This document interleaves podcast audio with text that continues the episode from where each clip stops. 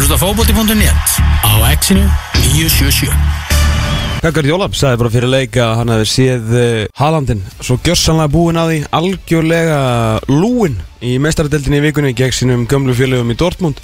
Tók hann því út af þar og sett hann bara á ís. Já, hann er bara heima hjá sér Það er bara heima, tristi sér fyllilega til þess að vinna Lester án Elling Holland og ég veit ekki hvort að uh, hvað er svona til í þessu hjá, hjá Pepparunum alls konar myndbönd og samsæriskenningar í vikunni að hann hefði verið haldrandi Elling Holland og í sundlauginni því hann getur ekki uh, staðið í lappirnar sem sjálfur og verið svona í, í sundlaugar endurhæfingu. Mhm. þannig að maður veit ekki hvað er, uh, hvað er satt og rétt í þessu en uh, góða fréttina fyrir hann, góða fréttina fyrir City og vondu fréttinar fyrir öll hinn fótbolltalegin í deildinni er að það er að stýttast í HM frí þar sem að uh, Elling Braut Holland verður jú í frí.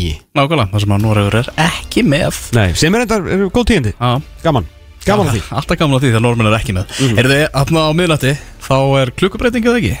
Heldur betur, það er rétt hjá þér Það er hérna, Næsta, Næstu helgi það var hátegisleikurinn 12.30 og, og svo þessi leikjaruna verður klukkan 3 já, og leikirnir á, á morgun þá eru komin á, á hérna vetra tíman og hvort að uh, Jú, þau eru byrjað með gula boltan, já.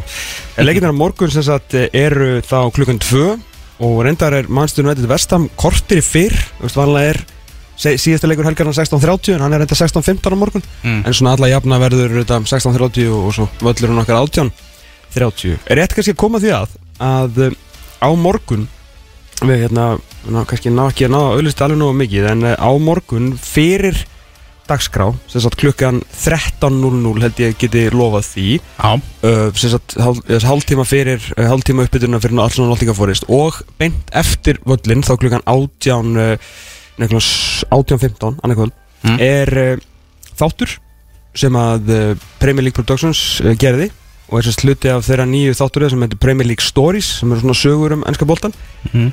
og þess að saga Íþróttabandalag Akranes og tenging uh, IA við uh, ennsku úrstöldina Já, ok. Og búin að horfa á hana þátt hrikalega flottur. Og hérna eru helviti glæsilegir uh, Guðjónsson bræðarnir þrýr Guðjónsson bræðarnir þrýr eru hérna upp í það sem að blamana upp í VIP-inu í, í KSI sko og koma þar inn einn af öðrum eftir því sem þeir segja söguna sína. Mhm. og hérna þetta er hrikalega flott og hérna rosalega flott production og, og skemmtilegt að sjá þetta okkar litla uh, áskjara land í, í þessu, í þessu samingi þannig að og svo þetta kemur alltaf sjálfsög inn á portalin líka í fyrramálið þannig getur hort á það svo sem hvernig þið vilja á morgun en þetta er sínt í línulegri klukkan 1 og svo um, 18.15 Mm. Og kannski líka að benda á það Það er náttúrulega furður leiktími Það er öðruvísi leiktími í ansku úrvastildina aðeins í dag Því að það er náttúrulega kvöldleikur á lögati Já, heldur betur. Það er hérna verið að tróða nokkrum, þetta er líka í næstu helgi, ef Ok. okay. skjáttlast ei, þá er, sagt, eins og þú segir, að þá er í dag uh, síðdegisleikurinn, hinn hefbundi, klukkan 16.30 er viður Fulham og Everton, en síðan er kvöldleikur, Liverpool og Leeds ætti að vera skemmtilega leikur, klukkan 18.40 og 5 og ég sá mér þess að uh, kongurinn Sigmar Viljánsson, hann er búin að hendi Liverpool dag í uh, minningarnum. Það er Leifupól Messa Já, bara það er eitthvað frá háti, það er eitthvað batnadæmi og svo hérna kemur svona, kemur trúbadór að syngja lögin og allt að gerast og svo er leikurinn á risaskjá í, í kvöld, sko. Það er alvöru veistla Já, það er alveg veistla, sko. Er það, við byrjum að þátt með stefunu Stöfuð! Því að í tilhættum þess að það er, jú, loka umferðin í bestu deildinni e, í dag. Allir leikinnir hefjast klukkan eitt og já, náttúrulega mesta spennan bara hreinlega með, með gull skóin, hvort að Gumi Maxi að fara að taka hann, förum aðeins svona betur yfir loka umferðina hérna á eftir, en við ætlum að hefja þennan leika og fara svona yfir fréttir vikunar í íslenska bóltanum og það byrtur slúðurpakki á fótbolta.net núna í vikunni, Gummi sem var svona rittstjóri slúðupakkans á um að, taka þetta allt saman saman. Eh, Þar var Matti Villa ábyrjandi í eh, slúðurpakkanum fyrirlið F-fáinga og uh, hann vill ekki tjá sig fyrir hann eftir helgi, fyrir hann eftir loka umferðina, bara svona um sína stöðu. Vill að þetta mót klárist, er reyndar í banni í dag þannig að ekki er hann að fara að spila í dag.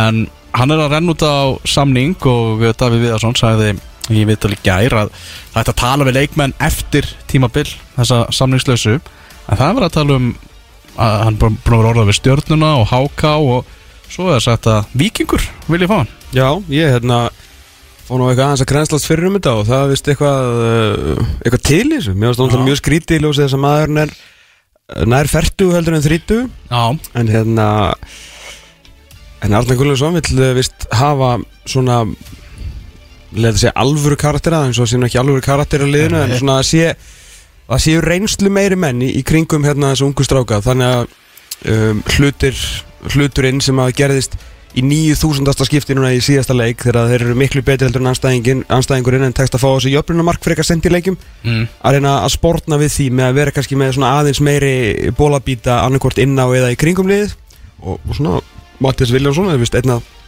einn af þeim sem að kemur til greina svona í, í það hlutverk Það er rosalega erfitt að reyna að ímynda sér að ný vikingstreyjun einhvern veginn Já, líka bara, þú veist að, að því að fengja hann eitthvað að spila veist, best, eða skilur einn af þremur bestu framherjum deildarinnar er framherji Vikings, Nikolai Hansen. Mm. og uh, þannig að ég veit ekki alveg af, eða, veist, hvað, hvað maður vilja fengja að gera í þessu lið nema Hansen fengi hérna Asíu draumin sinn. Já, auðvitað maður færi á endanum til Japan. Já, hann er með draum um það að spila í, í japanska boltan Já, Þannig að það getur verið eitthvað En já, það verður frólægt að sjá hvað, hvað verður varandi Matta Villa. Eða að veðja. Að fá áfram. Ef FH vil hafa hann, þá ætti ég að vera hann áfram sko. Já. Herru Kjartan Henry, maðurinn sem allir eru að tala um Hann var nokkuð ábyrrandi þarna. Bara, er bara búin að vera rosalega ábyrrandi í öllum fréttum síðustu vikur og uh, búin að vera í hérna hálfpartin deilum bara við Rúna Kristinsson í gegnum fjölmiðla gegnum viðtöl, búin að vera mjög áhugavert að fylgjast með því en alltaf að samningnum hans var rift og ég hef ekki ennþá fengið skýring á því þessum ummálum hjá Rúnari Kristinsen um það að þeir hafi, hugsurinn hafi verið að semja aftur við hann. Sko eins og mér skilst og oft sem getur verið rangt þannig maður áveila svona að passa sig hvað maður segir þess að það er að tala um samningamál manna þú veist, ég held að þessi verið eitthvað tvíliða samningur. Mm. Þú veist, öðrum, einhverjum hluta af samningnum hans var held ég sagt upp sem að þá vantarlega uh, sá hluti sem færir honum meiri tekjur að svo heyrði ég eitthvað því að vera að bjóða honum eitthvað starf innan KR eða veist, að fara að vinna eitthvað meira sagt, að vinna meira utanvallar heldur en eh, innanvallar skilur til þess að fá eitthvað eitthvað nála þessum launum sem hann hefur verið á okay. þannig að eitthvað svona samningu sem að honum bara leist ekkert á og, og, en síðan alltaf allt hittir alltaf að lunga komið eitthvað trærigur því að eftir þetta uh, tvöfalda hádramatiska viðtal við uh, Rúna Kristinsson og þá er maður eiginlega ok, þú ert sár að vera eitthvað sagaður og legar en svo á Kjartan Henry að hafa brotið einhverjar, hérna, einhverjar reglur ítrekkað mm. en það var ekkert farið nánar út í það og enginn spurði hvaða reglur, það voru tvö við tölum samanlutin mm -hmm. og hvorur hérna, sem var hérna, að taka vitrar að hann spurði hvað hann hefði gert þannig að Mm. það veit engin neitt Æ, og hún er aldrei að fara að svara neina þessu aftur sko. þannig að senst henni komur og farin á. því miður Já, en Kjartan Henry orðaði við fylki í slúðurpakkanum já, Fylki vantar sóknamann Vilja fá sér, fá sér sóknamann Væri þetta löst sem myndi henda báðum aðilum? það myndi ég halda. Rúna Páll spilar mjög dýrætt fótbolta og Kjartan Henry getur verið mjög dýrætt fótboltamæður og hérna að fá bara servicin og tegin það verður aðalega bara mjög skrítið að sjá Kjartan Henry Já, talandi ég, ég veit bara ekki hvort að við sem knaspinnuð þjóðu séum bara tilbúin í það. Já, það verður ennþá skrítnara heldur en að sjá Matta Villa í viking, vikingsbúningunum sko. ég er bara hvaða búningi sem er sko. Þetta er held ég það skrítnasta Já, líka fara úr svört og Já, en varabúningurinn var náttúrulega hérna hálfa appisinu gulur hjá, hjá Káir reyndar, reyndar Hann hefur spilað. hann hefur spilað hefur, og Jórans. Já. tequila sunrise treyjunum þarna, sko. Já, einmitt. En Ég er bara ánægð með kjartan að hérna, alltaf taka slæðin að vera ekkert eitthvað að það er bara káir eða ekkert og, og bara, hann, bara hérna, kýtlar í tætnar að spila fótbolta og halda því bara áfram. Já. Eru þau Sindri Kristinn, markmaður Hann er ekki að fara norður. Þeir eru búin að framlengja bæði við Jajalo og Stubb. Já Og vallir er að fara að hafa Stubb sem þriðja markmann Nei, nei, og alla með sindra sem annan. Nei, mitt uh, Ekki er hann að fara í KR Þeir bökkuð út úr því, segir Rúna Kristinsson. Og uh, Sindri segir að viðræði við Keflæk hafi gengið bæði vel og illa Sagði það í viðræðum í, í viðtali við Víkufréttir Já. Hvað endar uh, Sindri Kristinn? FO Og spáður því, hann fari í krigan Já, ég bara, ég held að hann hafi ekkert meira að gera í Keflavík. Þú veist, að Keflavík verði þokkalega tætt í, í sundur menn er að fara í hérna Það er útlitt fyrir það maður. fara í aturum, þú veist, nokkur að fara í aturumennsku spurning hvort Joey komi aftur Adam Ægir spilar ekki aftur í Keflavík Rúnar að, hérna, líklega að fara út Patrik Jóhannesson Patrik vill fara í Kópói Já, verður í, hann verður allan ekki í Keflavík hvort sem að verði í Kópói eða Færiðum eða Kópói eða Klaksvík. Þannig að hérna þannig að á þú veist Sindri að fara sérst hann er 25 ára með svona solti svona make og break tíma fyrir, fyrir sinn feril ég held að ekki endilega að sé að fara að vera í, hérna, fara ekkert í aturum sko, ég held að það sé alveg útloka en þú veist, ef þú þurftir að velja þér félag núna og þú ert að standa um, þú veist, og valið er á milli FO sem hefur sárvantar markvörð og það er, þú veist, það er allt til alls til þess að reyna að rétta þetta FO-dæmi við, sko, þú veist, þetta er ekkit eitthvað endalu svartnætti og þeir eru nú þegar fannir að spyrna sig frá botninum þannig að þau vil taka þátt í þannig búin að taka þátt í uppbyggingu keflaðik, sko. Þú veist, hann, hann skuldar uppeldisfélaginu ekki neitt, sko. Hann er búin að koma þeim upp að hjæltum nánast eitt sins liðs uppi á, á síðustu leiktið, sko, á samt uh, Joey kannski. Um, og núna búin að aftur einn af þremur bestu markurinn deildarinnar. Nú bara hérna, þetta voru flott hjá honum. Ég er ekki að segja hann að fara, náttúrulega verið geggjað um til taka slægin áfram og vera bara, þú veist, góðsóknir lifandi lífi og láta grafa sig bara undir vellinum þess vegna. En ef ég ætti að giska út frá því hvar svona möguleikin er að taka næsta skrif og fara ykkur á, hérna, gamla góða klísa ný áskorun, að þá myndi ég alltaf að ég veri hann vel efa og ég held að hann gera það undan Já, nokkulega Já, ég held að sé að þarna, Já, ég held að sé nokkuð ljóst að sindri fari frá keflag Já, Já, ég held að það sé bara rétti hann.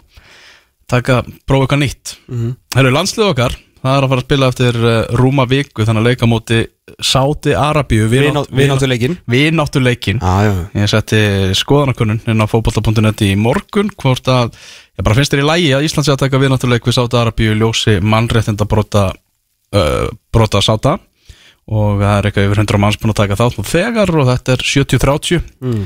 nei í vil. Kemur ekki óvart.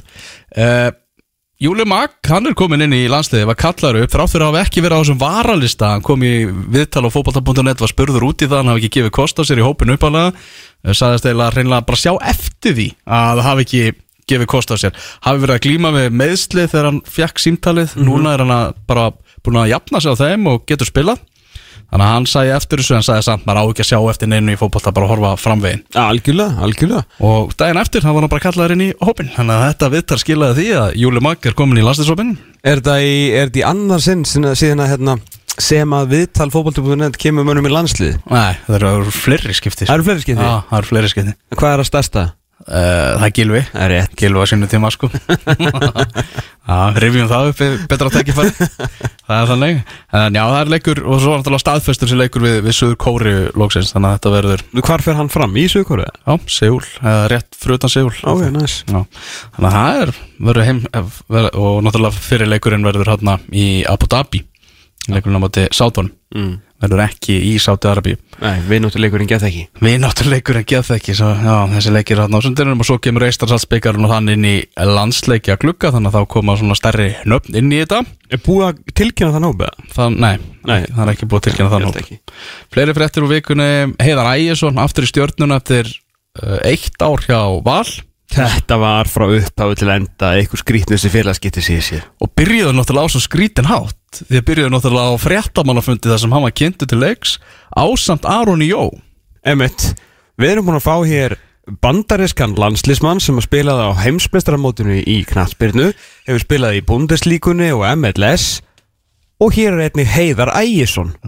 Bara svona eins og hann ætti bara að höra já nú er Birkjum og Sæfarsson settur á varamannabekkin og hér er mættur Heiðar Ægisson úr stjörninni Einmitt. svo bara gerist ekki neitt sko. Að hann er komin heim Heiðar elskar peninga eins og þeir sungu hann að silfurskeiðin. En leika minninga. Það var, var skemmtilega sungið. Hann er komin, komin aftur heim í, í Garðabæðin mm. Annars sem gerst náttúrulega í vikunni Orri Steinn Óskarsson spilaði sinn fyrsta mestardelda leik uh, og núna yngstur Íslendinga til að hafa spilað í mestardelda Evrópu 18 ára og 57 daga gaman þannig að kom inn á hann gegn Sevilla. Hann er svona sko, ég er svolítið ánægð með hann er, hérna, ég er að fylgja hann á gramminu Já. og hann er svona eins og að því að hann setti sjálfur bara, þú veist, hérna, mynd af sér úr leiknum og bara, þú veist, youngest Icelander to play in, hérna, in the Champions League. Ég veit ekki hvað ég sagði þetta með bandariskum hreim en, en hérna, hann setti hann þetta svona inn. Já. og smá, ekki, ekki hrókjandi það er bara svona sjálfstrust í honum, þú veist, sem er bara cool. Ég menna hann er framherji og þarf að vera með sjálfstrust þannig að svona, þú veist, hann er náttúrulega þó að pappans skilur hérna, reynir alltaf svona að spila sig á auðmjúkan sko, þá er svona nettur hróki í, í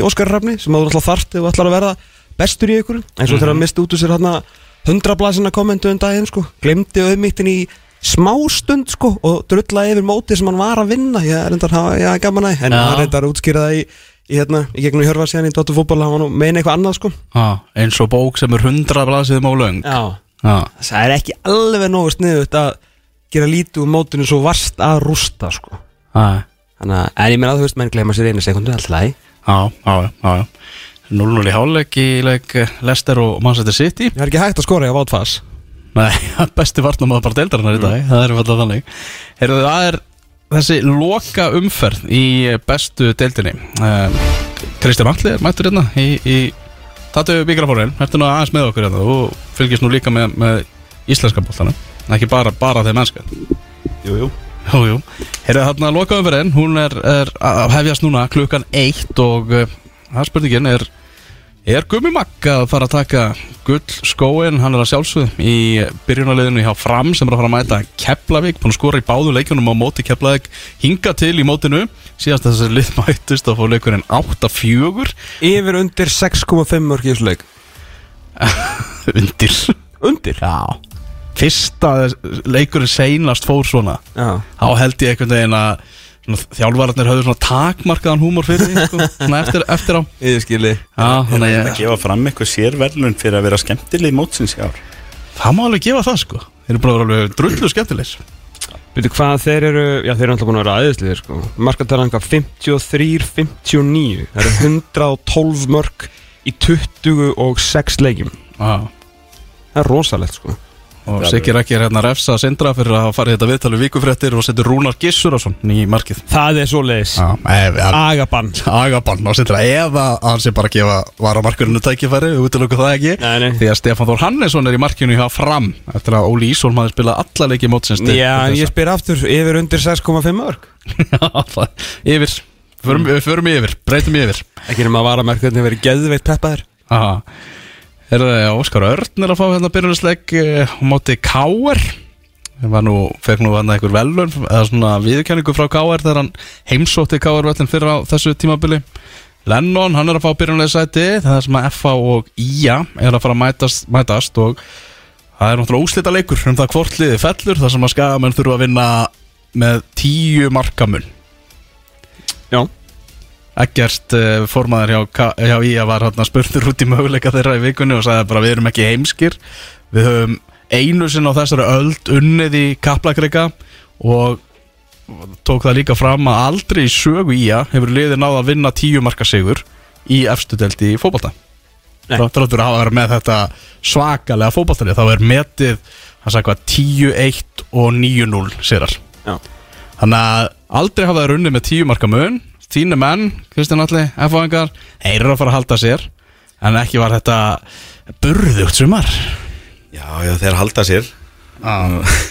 Ég, ég heldur getur sagt það fyrir þennan leik án þess að vera að sagga um hróka sko. þessi, tölfræði tala sínu máli. Það, það er þá svo óvænt úslita að það mætti bara slaufa mótinu fyrir næsta ár held ég. Jú, jú.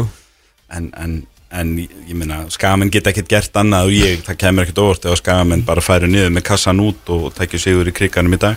Mm -hmm. Já, F-fáliði virtist vera loftlaus bladra í síðasta leik. Um leiður voru svona hér um bil öryggir uppi sko, búin að setja leiknismennina fyrir neðan sig og þá eiginlega mættu þeir til leiks í næst síðustum fyrr mm -hmm. Það er rosalega erut fyrir FA að reyna að gýra sér nýjan leik vitandi að þú veist 10-0 sé eina leiðin til þess að hérna fara niður og eins og Kristján Alli segir að þá hérna voru þeir náttúrulega eiginlega hættir í síðasta leik sko. Já, langar ekki að vera hana, þeir vilja bara gleyma þessu tím Já, já, bara komast inn í veiturinn ég skilða á skiljur það, það eru allir einhvern veginn bara með uh, höfuð á grúfu skiljur og hann í halsmálinu yfir þessu, hvernig þetta fór. En hvað næst? Þú veist, hvað getur F gert bara til að koma í veg fyrir það að þetta komi fyrir aftur og reyna að koma sér eitthvað þarna upp í efri hlutan, þar sem að þeir vilja vera? Þetta er náttúrulega nummer 1, 2 og 3 að finna þjálfara sem að uh, þeir treysta Mhm. uh, finna einhvern þjálfara sem að selja þeim eitthvað plan eða þeir búa til plan sjálfur mjög skýrt plan hvað er alltaf að gera hvernig er alltaf að gera, hvernig fótbolt er alltaf að spila hvernig fótbolt að kalla er alltaf að fá inn í það system hvað er alltaf að fá í kringum félagið og, og komið alls saman hvort endan þeir byrja sko, hvort að það sé einhver einn þjálfari sem færi ráðis öllu eða hvort að þeir ráðis öllu og ráða mann hann inn sko, sem finnst nú reyndar líklegri lendingin með hverju stýra þessu og það er bara besta mál sko, þú veist, þeir með alveg búa til sin eigin policy. Uh, svo bara þarf að fara að rekrúta og nummer 1, 2 og 3 setja sér verulega hófleg markmið fyrir, fyrir næsta ár sko. því að þetta er ekkit, þú veist, Evrópa hjá FA og næsta ári bara glemdu því sko. það er Sko, miklu betri liðis að dild það er, sko, ef, ef við byrjum kannski að taka heimsbyggin á þetta að þá náttúrulega var FOS sigursælasta félag á, land, á landinu á þessar öll mm -hmm. Bæja mæl félag sem hafði ekki unni dollu neinstaðar í neinu þangað til að þeir vinna fyrsta titil 2004 og þeir hafa unni átta titla á þessar öll mm -hmm. sexinum í öðru seti og hvað, þrjá eða fjóra byggara og, og, og, og þrjusar fjóru sem líka í byggarúslut og tapa sko. Allt í hennu hefur FH ekki unni dollu í sex ár. Heimir fer fyrir fimm árum og þetta er bara þetta klassíska sem við sjáum svo oft það er velgengnin er það sem sigra mann. Algjörlega. Að því að þegar þú ert búin að þetta góður þetta lengi, FH var búið að vera í fyrsta eða öðru sæti held ég 13 ári röðu eða eitthvað þegar að heimir lendir í þriðja sæti með liðu og rekin og það eru fimm ár síðan.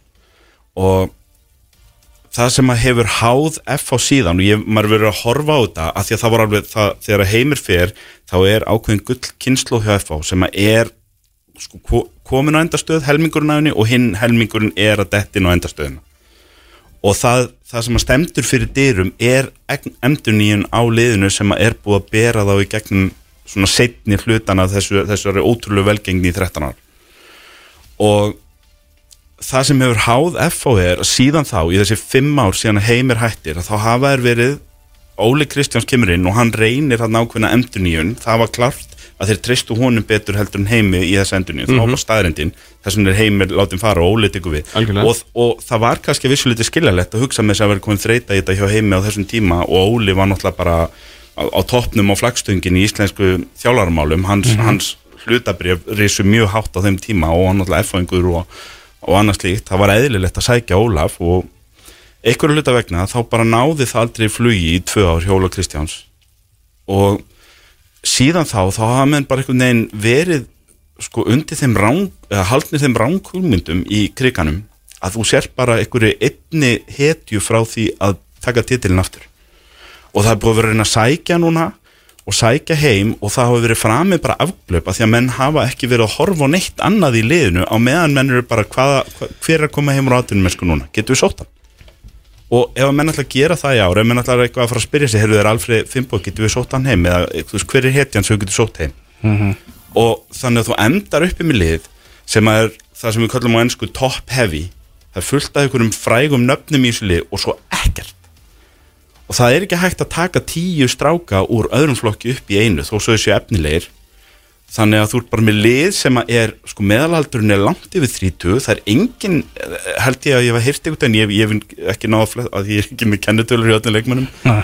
en ég heyrði einhvern tímann að það væri engin á bylunu 22 til 30 ári í liðinu í leikmannahón og ég bara, ég, ég trú eiginlega ekki ennþá þeirri staðrendi en, en ég hef ekki heyrt neitt svona reikjana, það hefur verið svona talað um þetta. Mhm. þú veist, hugsi ykkur fótboltalið sem er ekki með neitt meðvörð og engan á bílinu hvað 23 til 30 ára eða 22 til 29 ára hvað er þessi, þessi svo kallega prime aldur hjá knaspunum minn Hvenær þetta fættur þá? hvernig er ég fættur? Nei, hvenær, þú veist, hvað er það í það er þá meintalega uh, 92 til 2000 Já, ok.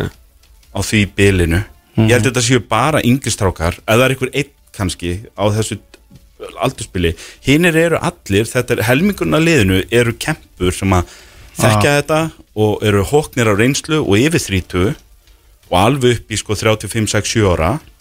Og síðan bara ungustrákanir ungustrákanir, þeir eru búin að sína fyrir mér í sumar, margir hverjir að það er framtíðum ég vil, ég vil, að, ég vil sjá þetta lið halda í þessa stráka skilur Alli Gunnar er eini sem er á þessum aldi Já. Og hann náttúrulega átti bara að vera varmartmaður sko. það er eitt leikmaður sem átt að vera varmartmaður er orðin aðmartmaður hann er svo eini sem er á þessum præmaldri og hvað erum við að tala um í mengi? Hver er, hver er næstu fyrir neðan? Erum við að tala um 22 til 30 Sko hann er 93, svo náttúrulega Björn Daniel 90, Finnur er 91, Egil Gunnar 88 Gunnar Nílsen 86 Gunnar Finnur orðið þá 90, hann er 31 ás Já, það er engin yngri en hann niður í hvað fyrir utan alla mm, já, já, sér þú telur upp þá upp í 2000 upp í Haraldur Einar á 2000 22 ára. Haraldur Einar 2000 hann er og 22 ára. hvort ég hefði séð einn Nei, já. Og Áspjörn á 99 já, 23 Þriggja, ára þá. Þetta er galið. Þetta er galið, það er 1 22 ára 1 23 ára. Og hvað sér allir verið gamall Eh, Hann er 93 hann er uh, wow, 29 ára. 29, já, 13 og svo finnur orðið 31 Já. og það er bara gat þarna frá 23 upp í 29 ára aldur. Já. hjá heilum leikmannahóp í efstu. Það er rosalega Þetta ángrín sko, ég, er, veist, ég þekki alla sem kom að þessu. Það eru stjórn félagsins, ég þekki þá misvel og annars líkt sko. Þannig að maður passa sig að nefna engin nöfn og allt það, þetta er allt svo nálægt okkur sko, mér langar að vera búið í krigan aftur eftir að það er, það er svolítið ástæðan fyrir því sko, ég er oft spurður ég er oft spurður, fylgist ekki um íslenska eins og maður sé svona eitthvað leppalúði sem að horfi bara á Liverpool sko. Við erum náttúrulega búin að presentera það þannig sko fyrir fólkinu. ég, ég er alveg búin að gera mér þetta, ég er bara gaurið sem kemur inn og talar um mennskapoltan, ég er náttúrulega bara brenn fyrir FO, Algjörlega. félagi sko. Uh, og það er bara ekkert mitt hlutverk en að tjá mig um FO Er þið ekki samt handbólta að fá ykkur mest? eða? Nei, nei, bæði bara, en sko það, það er önnur umræð, við skulum Já, já, ekki já. Nei, ég meina þú veist, varst- Ég æði bæði, Þú æfðir bara, ok, ok. Æði bæði, ég æði fótbolta lengur sko, Já, ég er ok, ok. fótboltakall sko. En hérna uh, ég gerði svona þessi klassísku mistök sko, ég var í þessu hérna uh, þeir voru svona tveimur, þreimur á eftir með gullöldin, Alli Guðna og Davíð Þór og þessi strákar sko. Og þegar að maður kemur dettur klárað annan flokk og dettur upp í mestrarflokk sér að maður er ekki að fara að komast í lið af því að FH var dettur upp í efstu deild þá og hætti ég bara í Æ, og meðan að flestir af liðsfélunum mínum fóru áttu flottan feril í neðri deildunum og svona og jafnvel komu upp og spilu fyrir önnulið í einmitt. en hérna en sko hérna það sem að þú veist menn þurfa bara að líti í einn barm og segja að það er búið að þurfa að reka þjálfara núna þrjú sömur í röð á miðutjömbili eða missa þjálfara, náttúrulega mista Óla sko. Þannig en, en þetta var ekkert eitthvað húrrandi ánæði með hvar Óli var stattur þegar hann fór til Damerkur og, og svo logi og, og, og svo núna Óli Jó það þarf að hugsa hver er framtíðastefnan eh, og, og hérna og við ætlum að finna þjálfara sem getum veðjað á til meira en eins ást ég, sko, ég fór nefnd að hugsa þetta því að við elvar rúm hans að ræða þetta á fimmtudaginn. Mm -hmm. Arnar Gunnlaugs náttúrulega reysi ekkert hátt með Viking á fyrsta tímafél hann nánast baðst, ef maður rétt afsökunar á fyrsta tímafélinu að því að menn töluðu hátt en svo var þetta bara bras. Ég meina, þú veist, það var ekkert áður en að sprakk út svo í fyrra. Ég meina, hann vinnur byggar á fyrst tímbili en er samt í, fallbaratu Það er náttúrulega bjóst engin vinn einu, sko. Já, og Óskar Hafn kemur með ákveðið hæp inn hjá breyðablík og það var ekkert eitthvað frábært á fyrsta tímaféli Meini Nei, en svo springur þetta út. Já, já. Og það- síðustu tvö tímabili er þetta bara sennilega búið að vera besta lið á landinu. Já, vegna, hérna og, og hérna, veist, það þarf að vera hægt að veðja á eitthvað, en til þess að geta veðja og þá þarfst að vita þú ert að gera eitthvað sem er framtíð í og þú vilt veðja og þú vilt byggja liðið í kringum. Þetta er stefnan, þetta er heimsýnin Óskar Hafn kemur með þessa sínin hann vil gera þetta svona, við viljum gera þetta svona. Við veðjum á hann, að því að hann samræmist okkar stefnu og hér ætla allir að rói sem átt. Þegar ert að reyka þjálfaran þrjú ári rauð að missa hann í júni, júli þá ertu að segja mér að þú veist ekki alveg hvert þú vilt stefna. Grunnurinn er aðna Því að, veist, það er hérna Þetta er kannski reyndið eitthvað, þú veist, bestu ungu leikmennir í deildinni. Það skiptir bara einhver máli. Þú verður að byrja ykkur stær Þú ert með Þeir geta orðið að þeir fá Einmitt, þú með Baldur, það, sko. Baldur Loga, Davíð Snæ uh, uh, Harald Reyna Fennu Jóhann Arnar. Jóhann Ægir uh, Jóhann Ægir, mér finnst hann Hann er flottur, Oliver Heiðarsson er work in progress. Og búin að taka framförum á þessu tímbili Vúk, bara, gefa honum mínútur. Áspilnu 99, allt í góðu, Úlfur Ágúst Göslari, Óli Guðmund svona Úlfur Ágúst er með fjögumörki 13 leikjum. Ég, Þetta var gæi sem að þeir höfðu í raunin ekki meiri trú á en það og kannski baklandi líka, hann fer niður í Njarvík sko. það er ekkert eins og hann fari og spili fyrir þú veist, hérna Keflavík eða IBF eða eitthvað sko. Nei, nei, nei. Þannig að þú taldi ég upp einhverja 60 leikmenn sem á fengi mínútur. Uh, Svo náttúrulega vilt að sjálfsög nota einhverja aðeins hérna, eldri í kringum þetta. Já, sko, ég var nefnd að hugsa, þessi strákar sem eru með lausan samning, þetta eru náttúrulega mikla kempur uh, ég myndi ekki vilja semja þá alla. Nei, alls og, ekki. og, En sko málið er að mann er hætti til að fara að hugsa um hvern fyrir sig og segja að Gummi Kristjáns, þetta er topp náungi. Og, og ég fíla hvernig Gummi spila fótbolta. Og, og, Björn Daniel er náttúrulega F á í gegn sko og, og hérna, og hann þekkir þetta allt og hann er með standardin og, Og hann er búin að vera líka og góður núna sko. Já, já, og svo ertu þú veist með Eggert og svo ertu með Matta Villa sem er náttúrulega fyrirlið núna. Ég held að þú getur ekki haldið þeim öllum því að þú ert bara einfallega að blokkera liðið þú ert með of mikið af gönnlumönnum og, og eitt af því sem háði liðinu í sumar það var ekki skortur á vilja á þessum gæjum heldur bara orkuleysi Það er bara, þú spilar fótbolta öðru þegar þú ert 36 heldur en þú ert 26 Já, líka bara FH er að eru borga Þú veist, það er ekkit liðdeildinni sem borga meira fyrir kílómetra hlöfna Já. heldur, heldur en FH sko. Þetta er rándýrt og þeir get ekki þeir endast ekki út leikin Í sumar ástu með unga stráka og svo leikmið svo voru konnir yfir hæðina. Og þegar þú eru komin yfir hæðina þá getur það ennþá gert gríðalegt gagn. Þú nýtir reynsluna og allt þetta og heldur upp í standardinum og menn líti upp tína því að þú ert matti villa skilur en þegar að megni að liðinu samastendur af þessum gæjum þá, þá er það bara vandamál. Og þegar er engin 23 til 30 ára í liðinu þá erum við bara í einhverju öngstræti. Og, og ég, mér er spurn hvort að menn sem eru búin að þurfa að skipta um þjálfara þrjú sumur í röð og lögða að stað með þennan snar galna leikmannahóp í sumar hvort að það eigi bara að vera sjálfgefið að þetta séu menninni sem ætla að fá að byggja upp nýtt lið og, og, og, og velja nýjan þjálfara fyrir næsta ár. Og það er bara eðlilegt að F-fáingar út í bæ og maður heyrir hérna svona hérna kjötkælis kurrið í bónus og krónun og fjárðakaup og svona. Maður heyrir þetta náttúrulega hvað sem maður, maður stoppar á bensistu og það er F-fáingur á næstu dag og segir hvað segiru ver- verður þess áfram, við erum að losa okkur við þennan. Þetta er náttúrulega í tönnunum á fólki. Og það er eðlilegt að þetta fólk spyrji sig þó svo að það viti allir að þeir sem að stjórna þarna eru F-fáingar í gegn og hafa gefið mikið fyrir klubbin og ég ætla ekki að fara að setja mig á háanest sem F-fáingu gagvart neina þessu fólki en þið hafi bara ekki unni gott starf síðust árin og það er bara spurning hvort þið þurfi reynlega að fá fag hjálp utanfrá. Hvort að, að því að sko líkil orðið sem að syngur alltaf mér þannig að kemur kannski svona hérna rétthöndurinn, vonabir rétthöndurinn í mér upp það er sko hróki versus auðmygt og það sem að FH hefur haft ómikið af síðustu fimm árin er hróki og það sem að FH vantar meira er auðmygt og kannski kemur hún núna að því að eins og þú sagði Tómas, það er engin leið að lappa burtu frá þessu tíumbil og segja við erum svo nálægt. Okkur vantar bara tvo spaða. Nei, nei, nei það er engin leið, það þarf að skoða þetta allt í grunninn. Og Davíð Þór er þegar búin að lofa því að það verður löng vinnuvika hjá FH núna strax eftir lokaleikin það verður löng vinnuvika í kaplingvika ég laka bara til að sjá hvað kemur úr þeirri vinnuviku því að ég ætla ekki að hafa trú á neinu næsta sumar fyrir en ég sé hlutin að breytast og, og fyrir en ég sé nýjan hugsanaganguna Annars sem við rættum náttúrulega á 5. en það er svona að þú veist vandamál vandala og fl- flækjust yfir F Hverju misti ég að, hvað var ég á fymtudaginn? Við vorum bara að spjalla eitthvað ég og Kristján. Já, ok. Ég var bara í vinnunni svo er allt í náttúrulega mættur á trúnum og elvar. Já, ok. ekki, ekki, ekki trubla mig. Elvar var er að að þetta ná- vera auka þáttur á útásættir sem ég var ekki bóði hann er svo lúmskur á messenger sko. hann, Já. hann veit hvernig hann á að senda Heyrðu, Já, þetta svona varðandi þú veist F og KR sem þurfa klárlega á endurníun að halda. Bara ef það er laus ungur leikmaður á markanum það fer hann í breyðablikaða viking í dag. Það er bara þannig. Já, Þetta það, er búin- vegna fyrir tíu árum þá fóru menn í FH og Káur Já, þess vegna myndi ég halda- atvinnumennskun og mark- maksa þitt en í dag þá horfur ekki á FH sem áfangast Nei, og nú er alltaf líka breyðablík og vingur búin að gera þessa ungu leikmenn bara, þú veist, ég ætla ekki, þeir hljóta að vera að fá, þú veist, þessir ungu leikmenn sem hafa verið að koma, margir hverjir er farið í þessi lið og hérna eru bara að fá samninga eins og þeir séu bara eitthvað börn sem er eiga kannski flestir ekkit meira, er skilið, þau eru að koma til þess að fá svona second sense, ég menna, þú veist, það sem að vikingu fekk út úr Kristar Mána með við, sko, launum var bara djók, sko, bara náttúrulega ótrúlegt, en hann náttúrulega tók þetta skrifa aftur og er núna bara, þú veist, á eh, toppnum, eða, þú veist, toppnum Nóri flottasta félaginu þar, sko, En þessi stráka núna, þú veist, nú eru bara fjögur, fimm félög að berjast um það og ekki bara sömu tvö sem voru einu leiðin sem voru í einhverju skátingsystemi Já. þannig að nú eru þeir bara að fá einhverju meiri peninga uh, vantilega og kosta líka meira og FH, þetta, til dæmis að því við höldum áfram að tala um FH að því maður ma virði sem svo að það sé meira svona ströggl með, með fjármunni allan að þarna í Vesturbænum allan er þú formaður félag sem er búin að segja það bara ofinbillega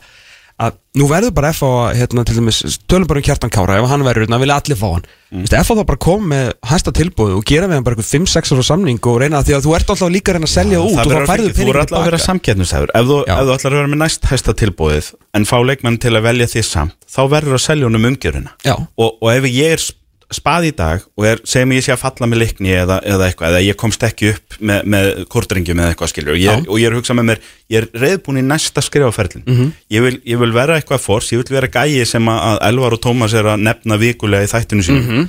Og, og, og er orðaður við landslið og, og er orðaður við hérna, jafnvel atvinnumennsku og svona. Ef ég ætla að taka það skref í dag og ég horf á FV og FV er að gera mér eitthvað tilbúið, jafnvel burstja frá peningunum, þá horf ég á og ég segi, eru þeir alltaf að reyka þjálfansi þið veit ekkert hvað er að gera Mhm. Ég og, og eru það þeir- Mhm. er hart og það er bara verkefni sem er framöndan, það er skaðin sem þessi síðustu tvö ár sérstaklega hafa valdið FV Kevin De Bruyne, við fyrir ekki að ég tók úr þessum hugsangang en uh, Kevin De Bruyne var sérst að skora mark fyrir Manchester City beint úr aukaspinnu skeitin inn og þá menn ég sko alvörunni skeitin inn. Já, þetta er hingæin í sitt sem getur eitthvað í hóp.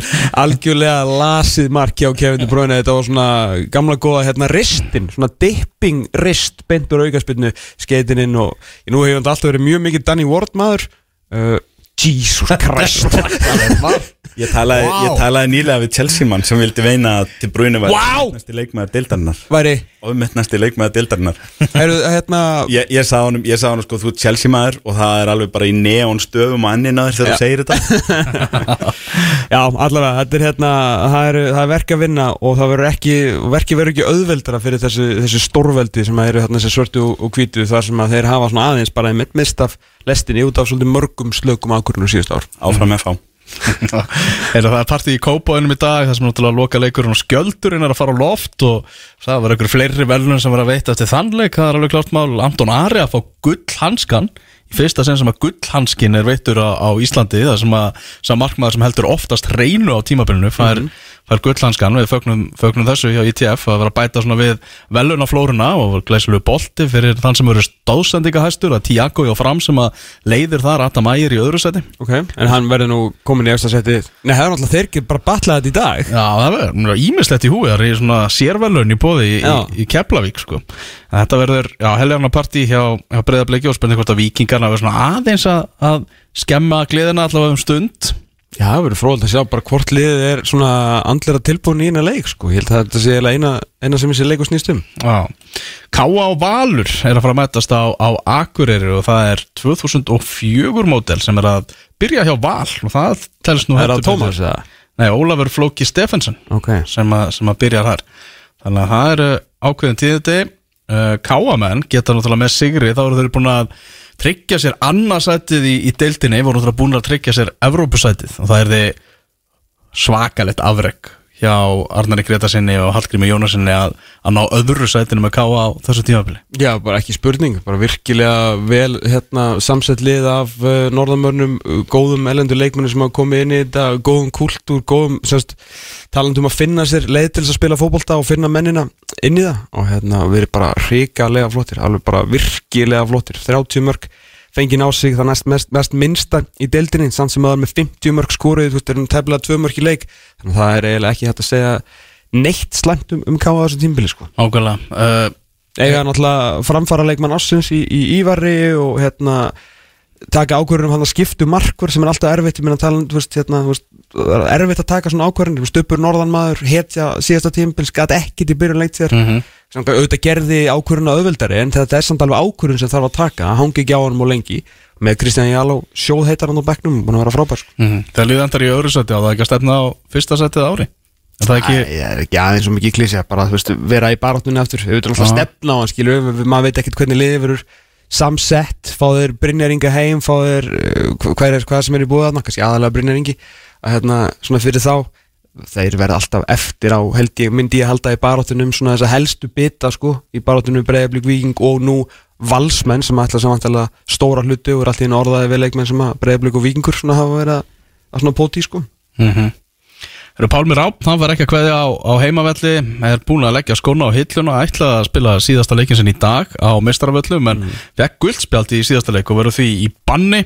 Uh, Pálmi Ráp, frábær leikmaður, frábær ferill sem hann á að baki Já, við, hérna, við verðum eiginlega að gefa honum bara svona mikið hrós, bara svona kveðju ræða um, um Pálmar og Pálmarsson því þetta er búið að vera stórmerkilu ferill, hann er frábær hérna, sem ungu leikmaður hérna heima með, með Káa, mjög góður í val fyrir það hann út og kemur eins og við tölum um á segjum tíma, hann er búin að vera svo lengi hérna heima, hann er 84 mótil, kemur heim 30 uh, búin að eiga núna uh, 7 tímabil, 7-8 tímabil hérna, hérna heima og kemur náttúrulega heim eftir svona, ekki það ég hef séð hvern einasta leik sem hann spilaði en markalega séð besta tímabilið sitt á ferlinum. Hann kemur sko sjóðheitur heim fær vel um fjallaðan og umrættan ofur samning á þeim tíma sem var nú heldur betur um milli tannan á fólki og gat ekki neitt fyrstu þrjú árin.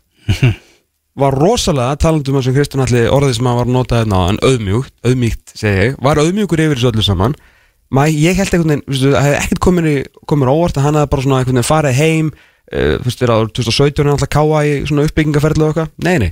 Tek bara slægin, 11 mörg 2018 deildinni, 8 2000, hérna, 2019 næri í titil hérna, er reikalega góður og er bara búin að vera stóð og stitta í þessu káliði sko það er ekkert allir sko a, fullt af elend, leikmenn sem koma heim og rættur menn sko geta ekki neitt, þannig að það var ekkert nýtt sko. En að geta ekki neitt á með við, vorum alltaf að tala um með við það sem við búist við frá hann, þetta er alltaf frábæleik maður Þróttar að voru að vinna í því að fá hann sko. Emmitt, þú veist, vorum þar. Já. vinna sig út úr því og vera síðan bara pund fyrir pund eitt besti miðjumæðurinn og eitt besti leikmæðurinn í deildinni næstu þrjú, fjögur árin og nái hennan klikka titil hérna á sín tíma þegar er rústa mótinu. Bara kútos á það sem að fór úr mjög slæmri Rúnars Kristinssonar esk heimkomu í bara eina flottustu heimkomu hjá aðtunumanni sem við séð og bara hats off Pálmir Rapp mm Heldur betur. Svo er leikur líka í vestmannu IBVF leiknir og leiknismenn fjallu formlega með, og það með svakalögum skelli eh, 7-1 í, í, uh, í síðustu umferð. Eru neðstir núna fyrir loka umferðina eftir að hafa já, verið utan fattsvæðisins þegar að uh, þessi tvískipting byrjaði. En einhvern veginn þessi tvískipting hefur bara hreinlega verið hrein martröð fyrir okkur breyðhildinga Já, því miður, þetta er ekki búið, ekki búið að vera gott og þetta er náttúrulega þó að eh, allan mínum að þetta þurfum að þjálfara dæmi hafi leist eins farsalega og það var nú hægt að það var náttúrulega var þetta ekki gott? Nei. það segir sér sjálft og þú vilt hafa þjálfaran 100% fókusverðan það, það segir sér sjálft og maður svona kannski ekki eitthvað eitthvað, ég get ímyndað mér að fólk sé ekkert eitthvað hoppandi kátt með að hann hafi ekki gert eins og kannski fleiri og, og svona beðið og setið hérna á þessu en kannski var það ekkert möguleiki fyrir hann en þetta alveg augljóslega fór inn í inn í hausuna mönnum sko. En það er bara úslitum tala sínu máli. Já, það er, það er þeir eru ekki svona lélegir þó er nú ekki verið kannski hérna á heiminskautunum á þessar leitið þá eru ekki svona lélegir eins og hafa verið að Já, sína og alveg heildina litið alveg klálega svona slakara tímabil hjá leiknu núna heldur en í, í fyrra. Miklu svona, voru miklu meira massívar í, í fyrra. Já, og er að fá núna einhverja skelli og svona, Já. vissulega góði leikir inn á milli en eh, tímabilið fyrra svo miklu, miklu heilst eftir að heldur en tímabilið í ár. Algjörlega. Hver er að vera að þjálfa að leikni? Það er bara ekki komið í ljósa ennþá. Okay. Þannig að það kemur, kemur vantilega í ljósa á næstu vikum bara. Ég er náttúrulega með fingers crossed fyrir uh, samstarfið uh, Eyjup X Elvar. Það væri sko. Eyjup og, og Helgi Óttar og, og, og mætast aftur. Það er eitthvað.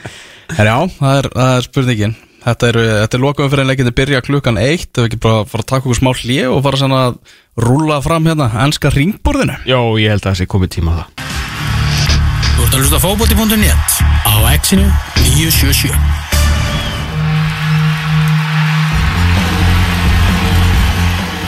Það förum við eh, úr íslenska bóttanum yfir í þann enska, enska ringborði Það er eh, komið hérna inn í stúdíóið Elvar Geir, Tómas Þór og Kristján Atli með ykkur eh, Og Kristján Atli ætlar að velja meðar annars eh, besta að úrvalslið, tímabil sem synga til og, og þá bestu og ég veit ekki hvað og hvað hægt að nefna það, 62 mínútur liðnar að leik Lester og Manchester City þar sem að City er einu marki yfir kefandi bráinu það var skeitin inn beint úr aukarspilnu, hvorki meira nýja minna, hvernig er þetta Kristján? Góður. Og góður. Herðu, hvar byrjum á Steven Gerrard? Takk. Hann er, hann er farinn Þannig að allt einu bara ómögulegur stjóri. Hann er ekki að fara að taka við Liverpool í framtíðina Manstu þegar þetta voru æfingabúður Fyrir Já, hann náttúrulega, þú veist, hann kom inn og menn höfðu áhyggjur af því að hérna, það var, ég sá, það var hérna Aston Villa maður sem sá á Twitter í vikunni eitthvað sem allir voru að rítvíta að hérna muniði þegar hann tók við og við vorum að hafa mestar áhyggjur af því að, að hann myndi staldra stutt við að þetta væri bara stepping stone og við vorum allir þannig, það var allir að hugsa um þetta að þetta væri bara svona einhver áhyrnanpröfa fyrir Liverpool-tjópið en svo náttúrulega framlengdi klopp og þá svona fór það á backburnerin í bili. Mm. En þetta var bara Þetta var bara eitthvað sem náði aldrei flugi. Og, og ha- örugglega harður skóli fyrir hann líka Ég meina Þetta bara gekk ekki. Hann, hann, hann getur ekki kvarta yfir neina þarna. Nei. Hann fekk sko stuðningin Hann fekk sko að sækja sína leikmenn heldur betur og, og hann bara náði einhvern veginn aldrei að smíða saman úr slið og það sem að mér kannski fannst verst við þetta er jafnvel þeirra best lét svona á fyrstu mánuðunum hjá honum að þá fannst mér þetta stengjalt sóknarlega. Coutinho kemur inn í janúar og hann svona lífgar upp á sóknarleikin í svona þrjá og hálfan leik. Mm. og svo er það búið. Og hann náði bara einhvern veginn þú veist, fyrir mér það sem að skilur að sko góðan stjóra í úrvarsdeildinni og frábæran stjóra í úrvarsdeildinni er sá sem að lætur liðið spila góðan sóknarbalta því að það geta allir einhvern veginn komið og þjætt eitthvað lið, þú tekur eitthvað vúls eða vestam eða eitthvað og þeir eru bara mjög þjætti varnalega, það er, það, það það sem að ennsku stjórnarnir stunda, það er komið inn og það er bara 4-4 fucking 2 mm og, og bara passa línutna sín og Roy Hodgson að yfir svo við fáum ekki á okkur mörg og svo ætlum við að gera eitthvað. En svo bara gerist ekkit þú veist, þeir hættu að fá sér mörg hættu að leika mörgum, en svo bara gerist ekkit annað. Og á endanum að þá náttúrulega verða með nóþólumóður og fara að leika mörgum aftur og, og hann bara misti þetta einhvern veginn allt úr höndunum á sér hann náði ekki að tendra neinn ljós þarna og Hvað gerist Því næst? Hvað, hvað, hvað er næsta jobb hjá Gerrard? auðmygt ekki hróki, mm. skulum bara halda áfram með þeim að Já, Ah. uh, nú er ekkert hæp í kringum hann. hann hann er bara í sömu stöð og Frank Lampard eftir Chelsea það er bara búið að sparka hans í tennunar á honum hýja á hann og almannafæri Mhm. og nú verður hann bara nú verður hann bara velja sér vel næsta félag því að næsta starf sker rosalega mikið úr um hvað hann er statusinn þjálfari. Næsta starf fer svona illa líka. Hann endist í 11 mánuðina og ef að næsta starf fer svona illa líka þá þá er ekkert víst að menn veðja svo glatt á hann aftur nema bara neðri teltinu Ég meina, en, en ef hann velur eitthvað sem að veist, er vel valið og hann stendur svil í hvort sem að það er lið sem er þá væntalega að ströggla í úrvasteldinni eða lið eitthvað stærri championship-deildinni sem finnst að eiga meir inni það, það er ekkit vist, sko, það getur vel verið að það sé bara jafnvel snjallara fyrir hann að fara niður í championship-deildina og, og taka við það, þú veist, einhver Sheffield United eða einhver svoleið sem að finnst að eiga meir inni og reyna að fara með þá upp. Lampard byggði nú svona sitt orðspor á góðu tímanbili með Darby áður en hann fekk Chelsea og þú veist að hann getur alveg reist þetta við aftur og það getur alveg verið komið hæpi kringum Steven Gerrard sem þjálfar aftur eftir tvö ár sem dæmi. En kann hann eitthvað að þjálfa? Já það er spurningin. Ég meina, nú, nú Við segir getum ekki sagt já hérna við þeirri spurningu Nú segja akkurat í dag, hérna sko. gárungarnir að þetta sé bara Michael Beal Já, Hnífarnir á lofti núna, þetta var leiðilegt og En meina, það Michael- hjálpar ekki Michelangelo til er að meira að bíli tjá með sig þú veist um að- QPR á toppnum og, og er búið að rekka hann sko. Já, já, þú veist, hérna þe- Já, þetta er bara þetta er bara mjög áhugaverð spurning. Uh, s- ég held að svarið sé ekkit eitthvað eins og ég segi, svarið er ekkit afdráttarlöst nei af því að leikmenn, nei, þjálfarar hafa alveg farið flatta og þjálfarar starfi áður já. og átt svo góð störf annar staðar skilur, en ég meina hvað, Brenda Rodgers fór flatt einu sinni eða tvisvar áður en hann, áður en hann tók við hérna Svansi og, og vann frábært starf með þeim sem að koma nú svona í stærri störfin. Já. Þannig að þú veist, sem dæmi. En hann er samt meiri eilíðar kótt sko Hann alltaf var ekki, þú veist Geggjaður leikmaður fram til 35 Nei, svo er það náttúrulega, kannski, kannski er þetta svona þetta Roy Keane-itis hérna, að- sénið getur ekki tala við döðlega menn þegar að kemur að þjálfur alveg ángrín sko, Já, sumir já, af þessum gæðum eru bara þannig að þeir bara, þeir bara horfa á þessa leikmenn og segja, hverju skilur ekki það sem ég er að segja þér? Af því að þeir eru bara ekki á sama fótballtalefulu og, og Roy Keane sko. Og, hérna, og þeir eru margir aðrir frægir sem áður frá flatt, ég meina Thierry Henry var engin snildaþjálfari og, og, og Gary Neville vissulega ekki heldur og, og svo framvegis. Hérna, Síðan gætt þjálfa leikmenn sem að actually voru já. Svona er, væri, væri hann góður með Luhavr Eh, í, í, í, í næsta stund, ég meina maður spyr sig þú veist, þú getur kannski, kannski ángríns er það bara staðan. Ég meina kannski er Pep Guardiola magnar þjálfari en ekki Steven Gerrard. Einmitt. að því að Pep Guardiola var með Barcelona og Bayern og Manchester City og hann er aldrei slutt að þjálfa Aston Villa kannski. En, en hérna það verður bara komið ljós. Það er alveg ljóst að næsta starf sem hann fær er ekki af stórst á Aston Villa.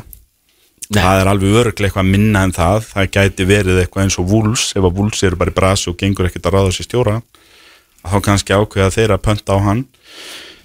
Það gæti líka verið eitthvað lið sem er í Championship og finnst að hart að vera ekki í, í umspilsætunum um áramótin og ákveður að veðja á Steven Gerrard uh, hérna hann verður fyrst og fremst fyrir sig að velja sér vel næsta félag. Því Klopp gaf hann- það ráð bara að taka sér smá hlje núna. Því að hann fer svo fljótt út í þjálfun eftir ferilinn og, og allt það. Aðeins bara prófa að vera með fjölskyldinu og, og slaka á áður en hann tekur að sér næsta jobb. Já, já, hann, hann hefur ekkert stoppað í fótbolta sko, þegar og hann laði skón og hillun og tók kloppan inn og, og var með hann í akademíunni hjá Liverpool þangað til hann fekk Rangers jobbið. Einmitt. þannig að hann hefur ekkert stoppað, nú er kannski bara eins og segi, það þarf ekki að vera langt stopp. Það var ekki langt hjá Klopp, hann vildi fá frí eftir Dortmund og svo var hann þreymur mánuðin setna komin til Liverpool, en Já. hann segir alltaf að þeir þrýr mánuðir hafi skipt öllu. Ég bara vona að hann komi aftur í hérna og verði til lengri tíma í Premier League. Það er bara einhvern veginn Þeir eru bara cool, það er bara cool að vera með Viera, Lampard og, og Gerrard. Þú veist, það þarna, er Það er alltaf einhverju sögulínu þegar þeir mætast og viðtölunum skemmtilegri, blaman og fundur þeir eru áhugaverðari. Það sem að þeir gera af sér, eða þú veist, eða það er eitthvað touchline bann og eitthvað, þú veist, það er bara stærri fréttir heldur en þú veist, Jesse já, skilur eitthvað, þú veist, þetta er bara svona, þetta er flott fyrir deildina já. Það er þannig. Leeds United, það er nú kannski annarlið sem geti tekið séns Já, já, nokkulega til dæmis, þessi störf munu koma næstu mánuðina. Algjörlega. Og hann verður alltaf eitt af þremmu fjóru nöfnum í umræðina meðan hann er á lausu. Já, ekki spurning. þangað til hann dettur niður í eitt starf eitthvað staðar og þá mun skipta öllu um langtíma framtíðans Já. sem stjóra hvernig hann stendur sér þar. Förum aðeins yfir í, í titilbarátuna uh, Manchester City á leiðin á toppin eins og staðinu núna eru 1-0 yfir á móti Leicester þegar að 20 myndur eru eftir. Arsenal búið að vera í þessu toppsæti en samt uh, sérfræðingar að keppast um það að segja það að þeir eru ekki möguleika að vera meistarar ekki, já, ekki bara sérfræðingar. Allt þetta talaði um eftir tapið í Európa-deildin á 50 daginn að þeir þyrftu smá svona reset. Hann talaði um það og mönnu fannst það menn, blaðamenn hjúka eftir því, wow, sagði hann þetta? Þrír slagir leikir í röð hjá Arsenal. Já, já, það er bara þannig. Eftir, eftir sko Tottenham sigurum var sennilega þeirra besta framist á tímbilinu í, í nákvæmnaslagnum og svo hafa er eiginlega mist flugi síðan þetta er svona sigratnir hafa haldið áfram að koma þá til að gera jafntöflum síðustu helgi og, og svo tapaði núna fyrir PSVF hérna þannig að það er allt í einu svona smá spurningamerki en, en sko ástæðan fyrir því að svo kallaðir sérfræðingar, Já. hvort það eru sofa sérfræðingar eins og ég eða einhverju sem eru með alvöru credentials í bransanum mm. tala eins og þetta sé engin titilbarta það er að því að menn vita bara hvað gerist menn vita það að Arsenal geta verið rosalega góður í ár og farið í 85 stig og farið í 89 stig og það skiptir yngu máli. Menn vita þetta bara. Mhm. það, það, hérna, það er bara eitt lið. Ef að það er ekki Liverpool þá er bara eitt lið sem er að fara yfir 90 stig í ár og þeir munu fara yfir 90 stig. Þess vegna er þetta ekki spennandi. Það er það sem við erum að tala um. Það er engin að setja Arsenal niður í þessari umræðu. Við erum bara að setja á niður fyrir City. Við erum bara að reyna að benda á það sem við Liverpool-menn erum búin að reyna að benda á sístu 4-5 árum og það verður enginn vilja hlusta því það er svo gaman að sjá Liverpool tapa hérna titilbartu, það er svo gaman fyrir alla United og Arsenal stundismenn að núta sjá Liverpool tapa. Og nú hlakkar í Liverpool-mennum að geta sagt það saman með Arsenal, já Arsenal vinnit aldrei. Og svo verður dansa á gröfinni þeirra í vor, skilju en það er enginn að tækla vandamáli. Vandamáli er það að það er lið þarna sem er búið að skekja þessa samkeppni. Mhm. og það er enginn eðlileg deildasamkeppni þarna lengur. Það er bara vandamáli það er galið að Arsenal séu búinir að vinna hvað tíu og gera eitt jafntefli og tapa einu með Níu einn heitt Mm. og við erum að segja það ekki sér svo tilli það er bara ekki eðlilegt en það er staðan. En og eru það vita einn- allir að ég hef rétt fyrir mér þegar ég segi þetta. Þeir eru líka Það vita. einn einn og ekki á toppnum eins og staðan er eitthvað sko. það vita þetta bara allir. Mhm. City, uh, geðum svona 7-5 fyrir þessa byrjun á tímbilinu fyrir utan Holland sem hann alltaf fær 11 af 10 mögulegum Jú, jú, jú, Arsenal, þeir fá 10 af 10 mögulegum fyrir þessa byrjun á tímbilinu Já. það er enginn að geða um séns Nei. og það vita allir að það er satt. Þeir eru í Það að tala um um það En þeir eiga menn geta báða leikjunni sárir, gegn City eftir, sko minn.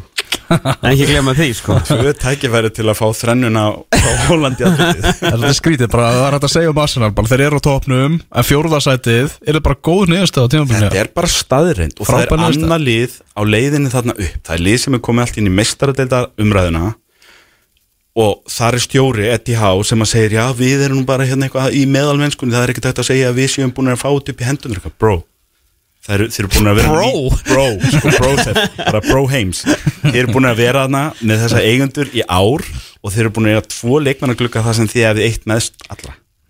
Hættu þessu kjaftaði það vita þetta allir, þetta er bara hjá Newcastle, sko það sem að samkeppning gerir er að maður er alltaf að segja ef vel, ef vel gengur hjá Chelsea þá geta það bara stundið til, ef vel gengur hjá Liverpool geta það bara stundið til. Og þetta eru risa klubbar en hjá Newcastle þá getur þú sagt þetta er ekki spurningin um hvort heldur hvenar þeir verða þarna. Af því að það er bara verið að eigða endalusta peningum í félagið. Þanga til þeir eru þarna. Og, því, og þú veist það þarf ekkert að rýna langt í það, þú segir bara það er einhverju gæjar frá hérna Dubai sem keiftu Newcastle. Og þeir voru ekki að kaupa Newcastle til þess að vera bara hérna vangmaðurinn fyrir Abu Dhabi menn. Dubai menn voru ekki að kaupa félag í Englandi til að vera bara þægilega second place á eftir Abu Dhabi. Það er, bara, það er bara staðan. Þannig að þetta er ekki spurningin um hvort heldur hvenar Það ég, gæti nú verið svona smá tími í þetta, sko. Já, það er eina spurningin, tekur þetta þrjú ár eða tekur þetta sjö ár? Mm, hversu, hversu vel, af því að það er náttúrulega hitt sem við höfum alltaf talað um með City er að þeir eru ekki bara ógeðslega ríkir, þeir hafa líka gert allt rétt. Þeir hafa bara gert þetta ógeðslega vel sístu tíu árin. Og struktúrun allur í kringu hvernig er byggjað þetta upp, því við sjáum PSG til dæmis ströggla með að gera hlutina eins vel og City þó svo að City lendalista pinningum þar. Þannig að það er alveg hægt að rósa City líka skilja, að búa að halda rosalega vel á spöðunum í kringum félagið og liðið. Og ef að Newcastle gerir þetta jafnvel þá munið þeir ná þeim en það er spurningin, munið þeir gera þetta jafnvel? Eða verður þetta eitthvað brasa þegar menn er að kaupa vittlösa menn eða veðja ranganstjóra og Já, ekki hinga til alltaf ekki hinga til, Eddie Howe er aldrei ef eitthvað er þá myndi ég segja hann sé undan áætlun í þessu. Já, klálega Það er eitt ár sinni að voru keftir og þeir eru í Champions League sæti. Já. Og þeir byrjuðu sko með hérna, í hverja þarna í þessu liði sko. Já. Og, og þeir eru að spila feikilega áhafuna leika á eftir hérna, það er alveg stólum koma í heimsá uh, Hérna, Ásnúvila Já, Talandi nákvæmlega, já, Una Tal- Emri Una Emri Nei, hérna, hann- er ekki, hann er þetta síðasta leikurinn með hinn, hann fær ekki aðtunum Já. fyrir nú já, hann verður í stúkuna, hann samt alveg Já, já, um lög, lög, Þetta verður áhugaður leikur, þeir unnu nú ekki nema 4-0 eða eitthvað í síðasta leik, Mhm. Þannig að þeir kunna, skemmtilega fótboltaftir Gaman fyrir Gerrard að horfa á það rata marki og svona? Nei, ég, ég, ég held ég þekki Steven Gerrard nógu vel hans að þekka nokkuð til þess að vita það að hann kastaði örgli ykkur í sjónvarp Já. þegar menn voru allt innu bara hefðu slæta þessi netið.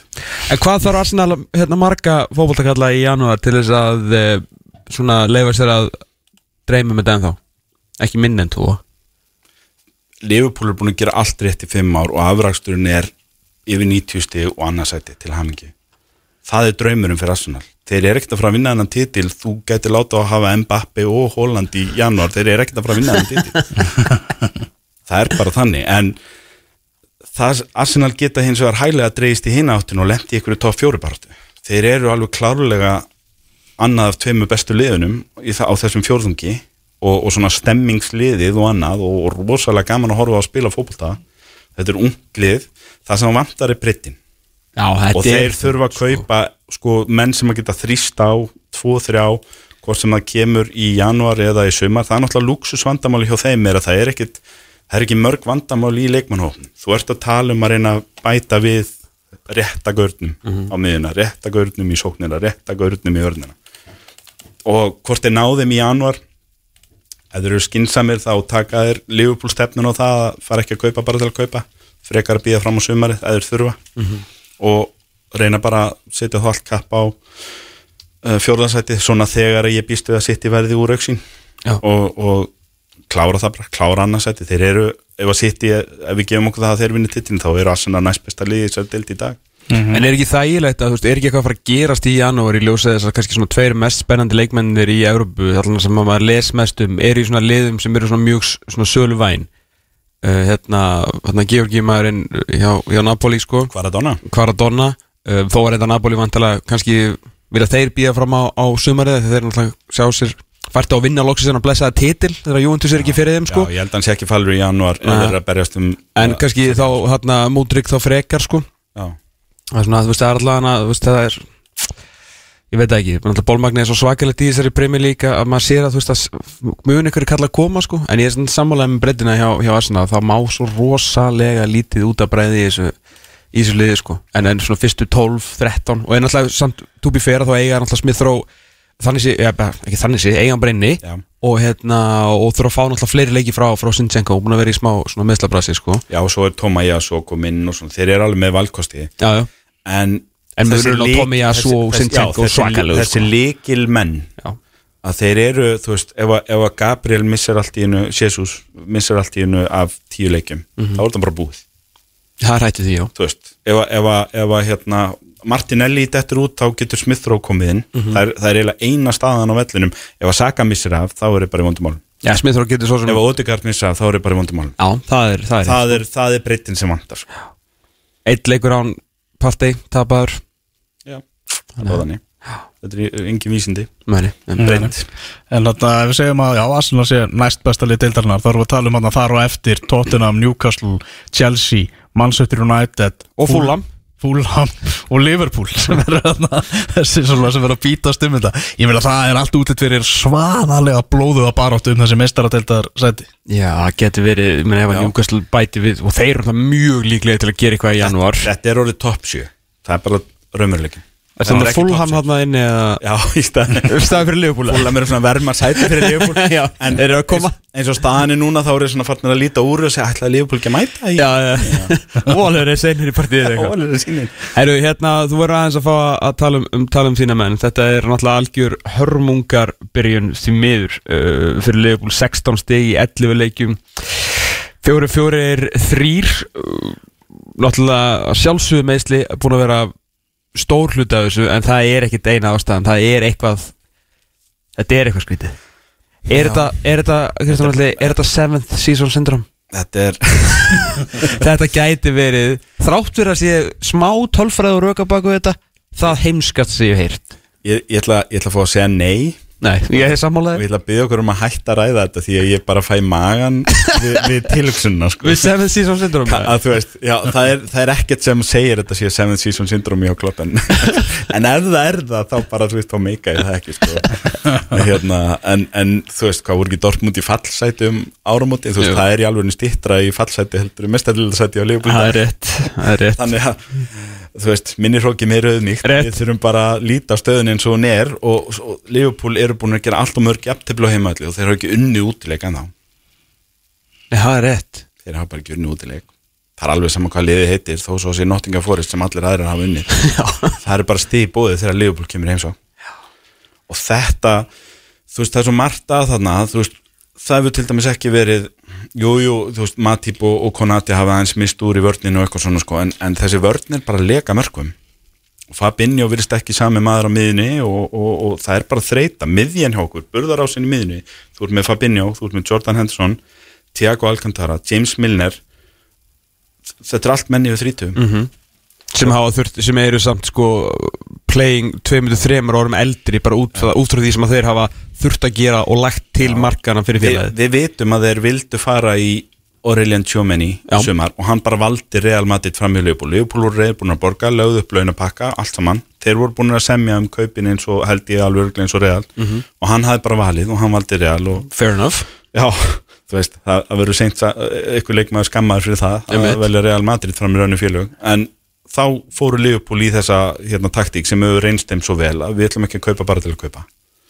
Og að- mánuðum setna sagði Klopp svo bara þið hefur ránt fyrir ykkur, við þurfum að panik redda manni hérna fyrir lóklugans, þið höfðu rétt fyrir ykkur.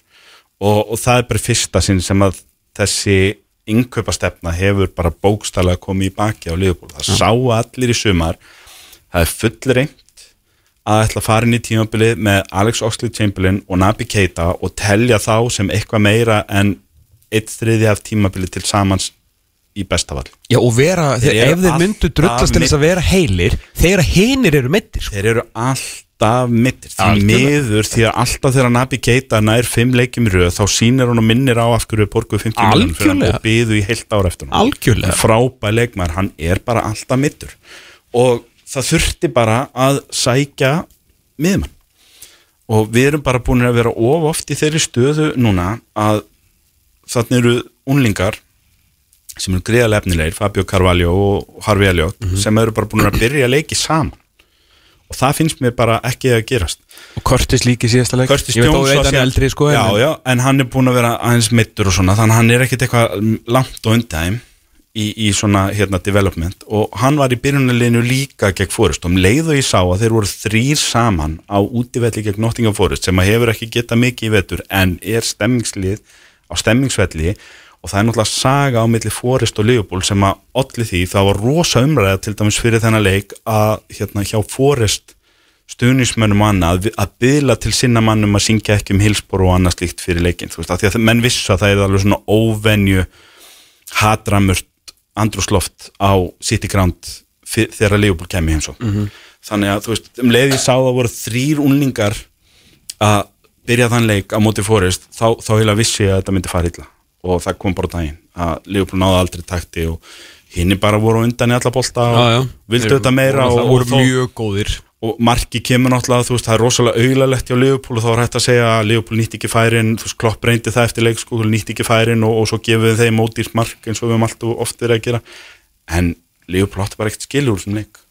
Og það er svona einhvern veginn, þetta eru svona yngöpalisti af vandamálum, fjögur, fimm atriði sem að sapnast bara saman í rosalega erfiðan pakka. Það er tækifæri, það er þessi lýtsleikur í dag. Oft, oft er talað um að setja að spila vilja á röngutíma, Newcastle til dæmis hefðu örglega vilja að Steven Gerrard þið viku lengur með Aston Villa heldur en að fá þá eitthvað endurnærða eftir 4-0 sigur í andliti í dag. Uh, við erum kannski, getum sagt ég ætla, ég ætla að leifa mér, ég veit að nú muna allir lífbólmenn sem eru að hlusta á skallavegg sko, en ég ætla að leifa mér að segja að við erum kannski heppnir að Jesse Mars er ennþá með lít að, hérna, að það er ekki, þú veist, þeir eru ekki búnir að gera það sem að mér finnst vera augljós þörf á þjálfarskiptum þar og, og koma endurnærðir og, og tvíeldi til leiks gegn Lífból, þeir eru bara soldið eins og lömd til slátrunar í þessum leik. Já, og ég ætla bara að lega mér að segja það. Og það, það er alveg tækifæri til Liverpool, fyrir Liverpool að því að þeir kláruðu nú með stæl reyðilin í mestardeldin í vikunni og, og að þeir geta unnið hérna flottan sigur anfíld í, í kvöld, ég held að það sé eitthvað nálægt miðnætt þessu leikur í kvöld og hérna og, og, það, og þú veist, og svo er hægt að byggja á því sko, ég held að þeir eigi síðan eftir Napoli ég get lofa þér þó að þau séu bæðin komin áfram að, að, að hérna Liverpool skulda Napoli í smá flingingu eftir eftir fyrsta leikin og er ekkert að fara að slaka mikið á þeim leik og hérna held að sé tóttinam leikur svo framinn Jú, ég hef verið þar þú verður þar, einmitt. hérna, þannig að þú veist, það er alveg tækifæri til eftir þetta fóristap þá, hérna, þá er bara þörf á því að vinna það sem er eftir fram að HM Ég held að sé Þú voru að líka vinna þessa þrjá bara leiki alveg vel dúaból sko. það er bara rosalega erfitt að fara inn í HM og vera að horfa ykkur áttastega fórskot í mistaratildasæti, hvað þá annað. Það hefur svo mikil áhrif á bara móranin hjá félaginu. Þannig að ég vona en ég, hérna, ég er ekkert eitthvað að halda nýri með andanum sko, Lífur alltaf að fara að gefa fyrsta markið eftir. Þeir vinna kannski 5-1 en þeir fá sig fyrsta markið. Æ, ég veit það ekki, þetta lítstæmi Ég er búin að reyna að halda svo mikið treð við, við samlandamenn hérna, Jesse Mart sko en Tyler Adams líka meittur sem er náttúrulega lúmst besti leikmaðurinn í þessu liði sko. Já, er- já og fleiri er það ekki, ekki sín stærra líka Jú, frá jú, er allir, allir meittir hérna sko. Ekki það að leifbúliði sé ekki, ekki meðslavandra sko. Herru kannski árunum við förum í uppgjöri sjálft. Hérna, Það er eh, Pep Guardiola sagði að hann væri farin að sjá uh, gamla Manchester United aftur. 20 stig on the boards uh, sjörleikir á hans að tapa. Í fyrsta sinn sem að kannski í, langa tíma, kannski fyrir utan þetta annarsætti stæmi hjá hjólikunar Solskjör getur mögulega sagt eitthvað? Komið farið hlýjum orðum um, um erki óveðin hann er, sko það er til hérna ennsku frasi sem heitir damning with faint praise. Mm -hmm. og þetta var svolítið þannig sko, hann er hérna, þeir standa sér vel eru duglegir þrátt fyrir En þeir eiga ekkert meira skil þeir sko. En sko, við skulum hafa þá hreinu ef að gamla góða Manchester United væri komið aftur þá svæfi Pep Guardiola ekkert á nætunar þetta, þetta er ekki gamla góða Manchester United. En hins vegar þá, þá verði ég að segja það Erik Ten Hag, sko þetta þessir fyrstu þrín mánuður eru bara búin að vera svona röð stóra prófa og hann er bara búin að eisa þau öll að, mér finnst hann bara að hafa staðið rosalega vel öllu, hann fær það í andli til, til dæmis að liðið er bara á allt öðrum staðin hann heldur og þeir fá skelli í fyrstu tveimu leikinum og svo eru sko Leopold á leiðinni næst og það er bara allt vittlust og þá byrjuðu strax leikmyndir að leka ykkur í blöðin þeir ónaði með æfingarnar hans og eitthvað. Hann bara, hann tók bara sallarólur, tók tvo þrjá leikmenn úr liðinu bara þú og þú og þú á bekki með ykkur. Og kannski að því ykkur að hann talaði við blaðmenn og hann vissi það eitthvað sko. Og alveg saman hvort að hann heitir Maguire og sé fyrirlið eða Ronaldo og sé Ronaldo. Bara á bekki með ykkur, vann Liverpool. Og svo vinnur hann Arsenal. Og svo er hann bara komin eitthvað rönn. Svo kemur aftur annars skellur þeir lenda mjög illa í hakkavilni hjá City og Holland -hmm. Og hérna og þá hugsa með, með sér að nú fyrir lestin aftur á tinn nei, hann höndlaði það bara ótrúlega. Hann ger bara smá lagfæringar næsta leik, hann sagði bara við lærum að þessu. Ger bara smá lagfæringar næsta leik. Þegar hann tók refsinguna hérna, ég var ekki eftir Brentford leikinu þegar hann tók refsinguna, hann fór með þeim út. Hann hljóp hann sendi 13,7 á ekki bara eitthvað og kveikti sér svo í pípu. Nei, nei. hann fór og hljóp 13 með það bara þið skuldi mér þessa kilometra og við tökum það saman. Komið, reynið að ná mér. Það er bara svo stort sko og, og sjáu þið bara hvernig hann hefur klárað þetta Ronaldo dæmi, Ronaldo skoraði fyrir á fimmtudaginn, nokkurn dögum eftir að sko alla Ronaldo, nei United kempurnar voru að tala um sko að, hérna, jú, jú, tveiri að þrýra en voru eitthvað, þú veist, hann er að fara ítla með Ronaldo en hinn voru allir eitthvað, hann, að- hann á aldrei að að spila fyrir félagið aftur, hann strunsaði nýri göngin og kláraði ekki leikin og var bara farin þegar leikmenni komin inn í klefan og eitthvað. Og Ronaldo reyndi að byggast afsökunar en hann gat, þú veist, hróki þar en ekki auðmygt, hann gæti ekki byggast afsökunar Hann gat það ekki, allir, sko. allir gera mistik segðu bara fyrirgeðu það- það- Heat of the moment. það fer ekki dýla með vörumerkið segðu bara fyrirgeðu og hérna ég hljópa á mig. En nei hann gæti það ekki. Og, og menn voru bara eitthvað að tala um þú veist að hann á ekki að fá að spila aftur fyrir United. Og þetta er bara búið þeir verða bara að rifta samningi við hann og eitthvað. Tenna er bara eitthvað þetta er eitt besti fólktamær í heimi við þörnumstans og við munum nota hann. Hann sett hann í banni eitt leik hann hent honum út úr hópnum í næsta leik. Svo bara velkomin aftur. Og hérna og þú ert í liðinu í næsta leik og skorar. Og nota benni sko tveimur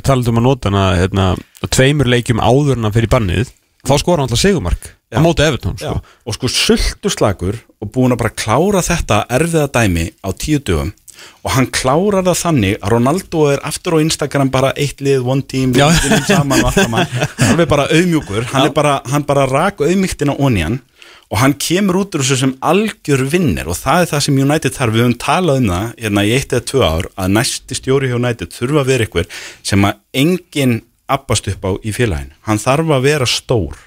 Og Ten Hag var ekkit endilega stór þegar hann var ráðinn, við vorum að ræða hérna í sumari, er þetta stóra nafni sem þeir þurftu, þurftu þeir ekki frekar þú veist, sítan eða eitthvað?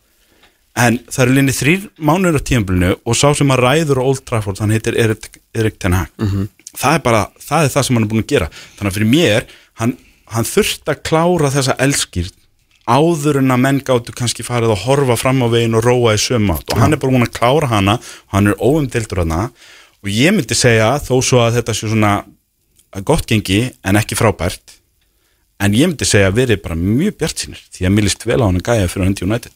Og, og segi það með þungu hjarta sem liður mér líst ekkert á þessi fyrir ofan okkur í deildinu og ég sér hérna stjórnuna mér stöðumlega Sko þeir eiga nefnilega svolítið snúið program, þeir eru alltaf búin með mikið af að hérna, en þetta er samt svolítið snúið til þess að enda, þú talar um liðbúláðana enda þetta vel fyrir háanferði, þú veist fara jákvæðir inn annarkort í mestraldasæti eða nálægt í. Það mun sko skipta máli þarna því annars hafa með 40 daga til að tala við blaða menn á bæku tjöldum Nákvæmlega, þú hann, hann má alls ekki missa þetta úr höndunum sinn næstu tvær Það er bara vestam á morgun, svona vestam on the rise. Það er Aston Villa úti talandum, með fyrstileikur Una Emre bla bla þú veist, new manager bounce og allt það. Það verður erfitt, þú veist, rocking Villa Park og eitthvað uh, Aston Villa sendur aftur svo í Cup og enda á útivelli gegn, þú veist, I know I'm saying it en við þurfum bara að setja virðingu á nafnið Fulham og Craven Cottage. Já, og, og sko, nú þurfum við að fara í sögurskýringu Fúlam var náttúrulega bara svona bókilið fyrir Master United. Ekkur hluta vegna, þá elskar Fúlam að spila Master United. Það er rétt Hérna í gegnum tíðina, sko, þeir fóru illa með Rúni og, og Skóls og þess að gæja alla á sín tíma. Það var lið sem að Ferguson tala, mann þoldi ekki að fara hann Það var eitthvað svo langt úr hérna klefan og til að lappa yfir völlin Þetta voru erfitt þegar hann var komin hérna á Já, það var 70 eitthvað, eitthvað svoleið, sko, það var eitthvað sem að gerði menn ringlaði þarna og, og það, þetta, þetta er bara prógram, en ef þeir klára þetta þá eru þeir á rosalega góðum staði fyrir HM og, og, og, og hérna þetta síðan svona setna prísíson fyrir jólatörnuna Næstur þú kemur þá hérna Förum ekki að eða og miklu morðum í hérna Frábá byrjun á Potter En við leiðum gefa þér svona ég líst alltaf á hann Já, fjórðungi viðbútt til þess að meta Potter En þetta er frábá byrjun samt hjá hann Já, mér, ég bara, ég ágjörð þessu. Já. ég, ég held að þetta hafi verið hárrétt ráningjaðum og ég held að það muni bara sína sig meira og meira þegar líða Já, Todd Bowley, hann, hann veit uh, nákvæmlega hvað hann er að gera Búin að reka alla og líka Potter sko komin ekki bara nýju klæðin Og nýja skeggið. Já, heldur hann líka sko verðist kunna leikin betur um að þetta er ekki eitthvað sveitapiltur sko? Þegar hann var sko núna á síðasta blaðum Ég er ánægð með allt þetta fólk sem hann er búin að reka Ég er ánægð með þetta. Já, Bara þú veist, Todd Bowley er minn maður. Ég heiti, heiti Gustaf Bombe um þetta í vikunni. Ég heit hann í gær. Hann var hálf grátandi sko þegar Thomas Tuchel fór. Hann var mikil Tuchel maður. Já, þeir eru búin að gleyma hann núna. En hann sagði bara, heyrðu. Það er eitthvað í þessum topp. Það, það, það er líkil orðið í hérna þegar við ræðum Graham Potter. Það er að menn segja, heyrðu en, en hérna, það er mælir það er eitt sem mælir gegn því að Todd Bowley sé eitthvað snillingur og það er það að hann skulle heita Todd já, það er engin snillingur sem mannkinn heiti Todd. Já, þú meinar. Nei, aldrei. En það er góð punktur. Og náttúrulega þeir uh, fóru ansið flatt á því núna Los Angeles Dodgers með lang dýrasta lið söguna sko. Todd, Toddarar eru yfirleitt svona þess að típa sem fyrir kjörklefan og kýs óvart rangan flokk skilur. Já, hey Todd. kann ekki að sitja X Vildur þú setja auðlýsingar ánum farið mjög kjöru? Það Já, kemur ekki. ekki það Jú, okay. Tökum okkur örleitla pásu, hendum í eitt kaffibólla og svo kemur uppgjöru fyrir svona sirkabót um það bil fyrsta fjórðung deldarnar Já, Kristján allir búin að fá óskalaði sitt og allt Þannig að ég held að það sé bara allt tilbúið fyrir veluna afhendingu Fyrsti fjórðungur, hans skúrvasteldarinnar Manchester City vann Lester 1-0 eru komnir á toppin Kefandi Bráuna með þetta skot eh, skeitin inn hann á raukarspytunni Þannig að eh, Manchester City sem stendur í efstasæti Allavega þar til að Arsenal er að fara að keppa mútið Nottingham Forest á, á morgun. En uh, þú ert með velunagripana hérna með þér, Kristján, það er lið fyrsta fjóruðungs eða bara tímabil sem hinga til í ennsku úrvastildinni ef ekki bara hefja leik. Heimleik, Já. Markinu er Alisson Becker. Mm. leið Tómas upp allt í einu snögt á mig? Býtum nú við, Ha? ætlar eitthvað að fara að mótmæla því eða? Uh, Þú veist, þú veist ég var alltaf að hafa eitt sko. Ég var, var eitthvað nefn að koma að Nei, ég er bara svona, ég er ekki ósamáli, ég var aðalega bara hissa en ég bara, En Sko, tölfræðin er svo og Hann er búin að halda fjóru sinni hreinu. Já, Tölfræðilega ég haf nátt og Danny Ward. En það segir ekki allt. Danny Ford Ég er búin að horfa á alla Liverpool-leiki Og Liverpool væru í fallsæti Ef Alisson Becker væri ekki í þessu lið sko. Sko, ég er Hann er nefnilega- búin að eiga eitt sitt besta En hann er saman versta hérna, shop percentage sko, í, sem hann hefur verið með veist, hann er bara Já, slefar hefur sér færin sem anstæðingarnir er að fá? Já, sko, ég sá Það þegar Leifból var sko. mesta Menn Þegar að- vera var að taka mestari langsótt skot á hann síðust árin En nú bara Langsótt? veður- Já, en nú veður Þegar Leifból var mestari Þá fengu þeir á sig einn á móti markmanni Í hverjum einasta leik. Já, En hann var það alltaf. Já. Hann er að verja þau mörk núna Nei, Ég- þau skot núna. Já, Mörkin, ef þú myndir taka saman einhverja sirpu Mörkin sem hafa verið skoru á Leopold Þau eru alla vítapunkturum Eftir að menn eru búin að spæna í gegnum vörnin Eða vörnin er búin að gefa hérna einhvern kloppa og eitthvað svona sko. Já, mér finnst- vegið að póparunum hann sko maður er að segja það Pope er flottur en tölfræðin segir ekki allt hann er með betur vörð fyrir fram að segja eins og staðin í dag. Já, enda, enda líkur þar Liverpool upptalningunni í þessu úrvarsliði, mér fannst þetta bara ég, ég er búin að hugsa þetta núna viku eftir viku bara, ha- þú veist, Guðis er lof fyrir Alisson Becker. Og hann er náttúrulega Guðsmaður mikill, þannig jú. að það er bara Guðis er lof fyrir hann, takk Guð fyrir að hafa sett okkur. Eh, Mikill Alisson maður, hann er svona skrítið að vera eitthvað smá að mótu sem samt ekki. Að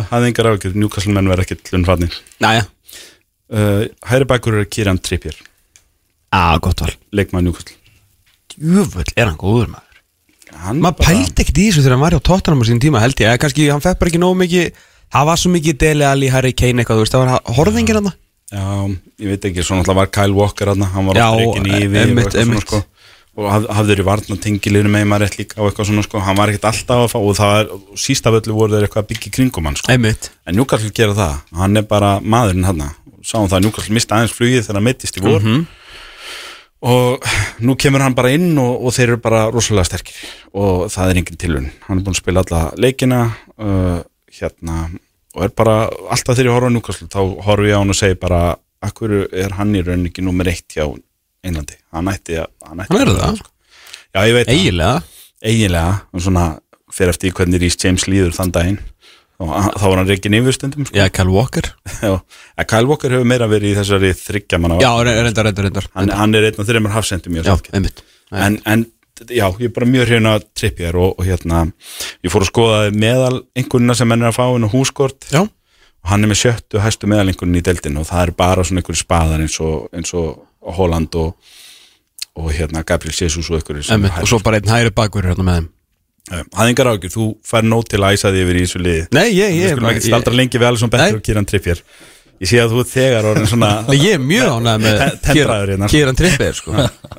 Hlustendur sjá það ekki sko að Thomas er farin úr og ofan hann er byrjað að maka á sig kalki og Nei, nei, reyma sig hanskana. Allar úr Heru, í, í vinstri bakkur er Aron Kressvel Hvað er að gerast þetta? hjá Vestam Hjá, hérna, ha? Vestam er með eina betri vörnum dildarinnar vandamáli á þeim er að skora ekki þeir að skora 11 mörk í 12 leikjum. Hérna, þeir eru það lið í dildinni sem er hvað mest í leitamarki sko. alveg skelvilegt og, og það er náttúrulega máli gaggrina móis fyrir það. -hmm. en vörnin er góð. Þeir fá ekki á sig mikið af mörkum, þeir tap ekki mikið af leikjum. Og ég er bara alltaf hrifin af Kressvel ég hef verið hrifin á honum og mér finnst hann verið að eiga bara eitt sitt sterkasta tímabil núna lengi. Það var hann samt ekki svolítið mikið miðvöru samt framar af? Jú, leiktíð Þegar það voru miklu, mikið um Ég er náttúrulega bara með tvo miðveri sem ég langar að týna til þannig að ég setja hann hann hann, þetta er náttúrulega hans staða líka. Hverjir hann, voru hann, er, hann hefur verið þarna svona líka einn af þremur og svona, Já, kælvokki staðan. Já. Sjákan Selo fekk ekkert sáttöður fyrir að vera Hann er alltaf í legin, hann er svona eins og Van Dijk. Hann má alveg kvíla einu sinni sko. Já, ok, hann, ok. hann þólir þetta alveg. Já, ok það, það, það er svona gaur sem að við getum alltaf talað um sko. Það Svolítið er líka mikið búin að vera að hæra með þetta líka. Það er náttúrulega dreifut til tíðinda að þetta, ég held þetta sé fyrsta fjórðungsuppgjör í svona þrjúar hjá mér sem að er það sem að er ekki lífupólmar í bakveri Já, reyndar. Sem er eiginlega magna sko. Ég fór að skoða það aðeins eftir tíman ég held að það séu næstu í þrjú ár síðan ég var hvorki með Trent eða Robinson. Robinson. Það er bara Það segir, sína sögu. segir sínum sögur sko. Já, sögu. miðverðir eru þá. Miðverðir eru Ég ætla að gíska á Kristoffer Ægir og Daniel Amartey Svona með hvernig þetta fyrir á stað. Nei, nei, en þú ert ekkert langt frá því sko. Ok. Hérna, hérna eigum við að segja, eigum við að segja hérna nýlið ásins í ennsku úrvasteldinni í miðurvörninni William Saliba.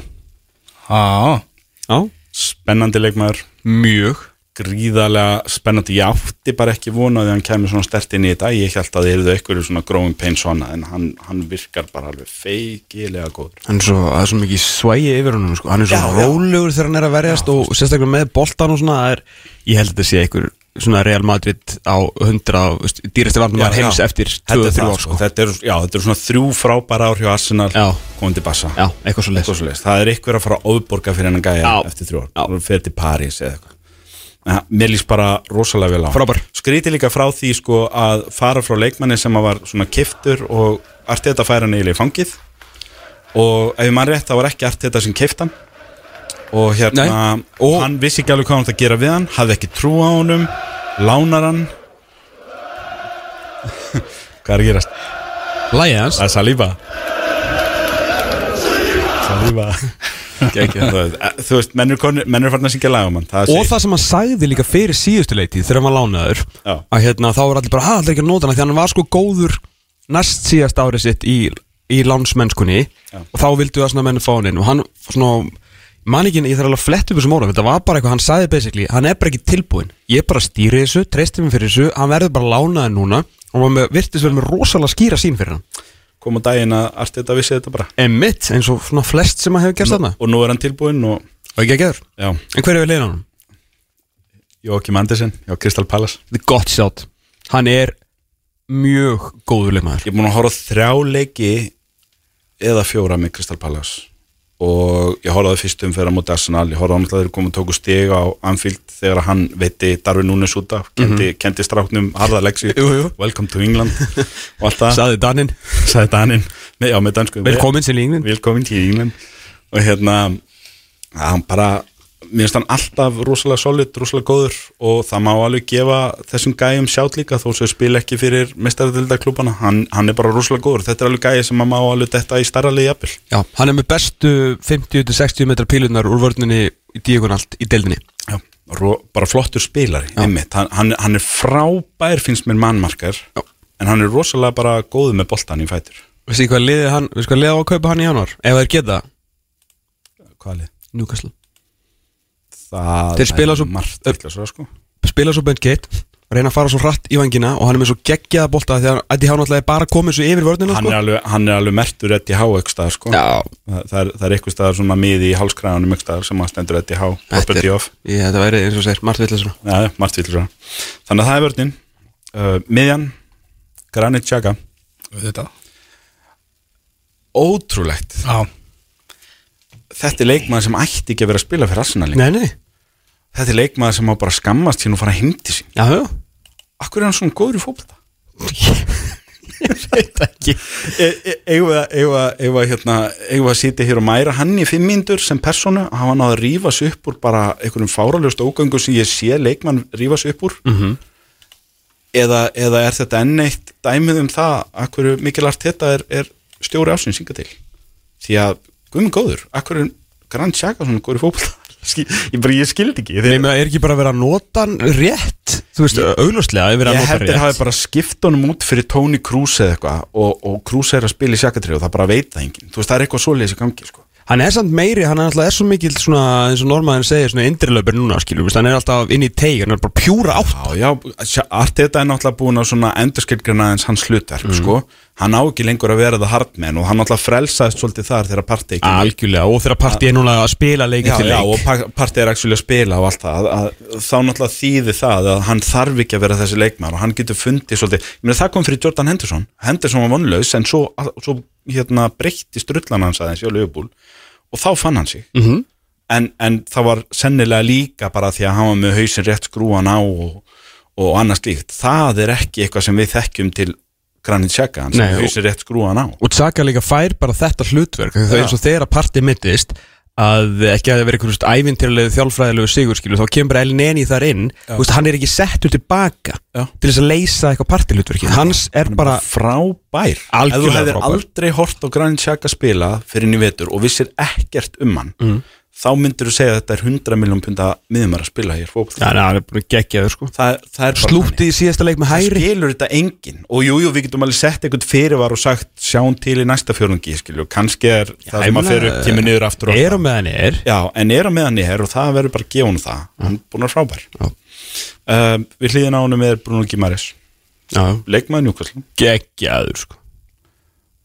Já, það, ég sá ykkur að frett uh, eitthvað staðar, hvort ég sá hann með sér á fótbolta.net í slúðpakkanum eða eitthvað. Það, hérna, að það er að orðan við stærri lið að því hann er svo góður hjá Newcastle.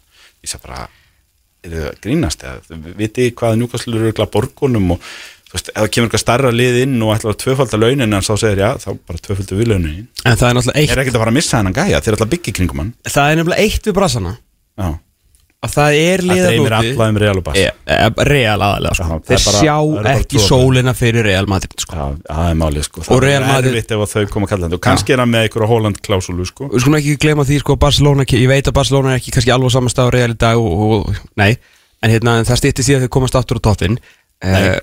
Það Ekki. það stýttist ekki í það. Styttist ekki í Þeir það. voru dettu mestardöldir Ég Já, var að fara í það nútutúrið Nei, nei, nei, nei, Þeir veðjuðu langtíma framtíð félagsins á það að vera með all-star lið í vetur og, og eða dettu úr mestardeldinni og lendi öðru sæti og þurfa að reka Xavi Hernandez þá verður það ekkert mikið betra á næsta árum En punktur með bara að Barcelona kefti Rafinha?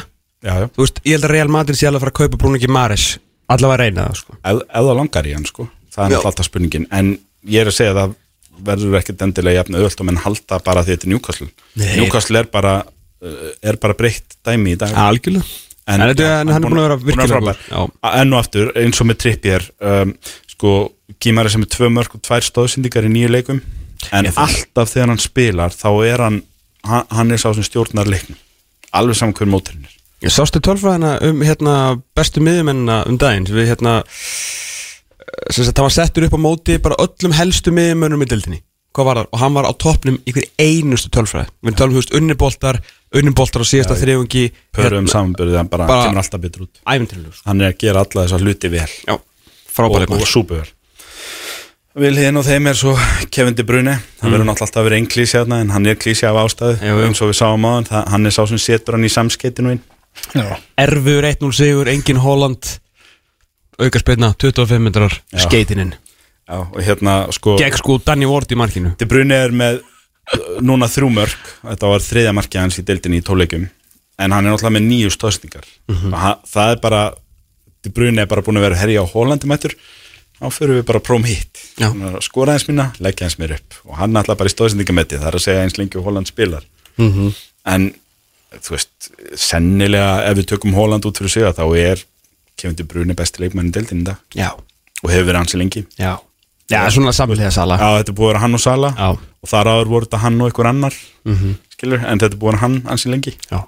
Hann er alltaf búin að vera í the conversation núna í svona 5-6 ár sko. Já, og svo er hann örgulega að fara að eiga stórt háin gruna mig, Nei, heldur ekki? Nei. enga trú á belgum, ekki eina einust. Ég hef trú á þetta bruni Já, það er svo sem henn, svona og Lukaku, hann mætir alltaf fyrir belga Ég held að þetta veri crash and burn hjá Belgum í ár. Ó, eru þeir, er Svona- tilnefna þitt Crash and Burn liði, Já, formlega. Og ég meina svona bara vond crash and burn. Ég held að Englandi kannu verið Crash and Burn.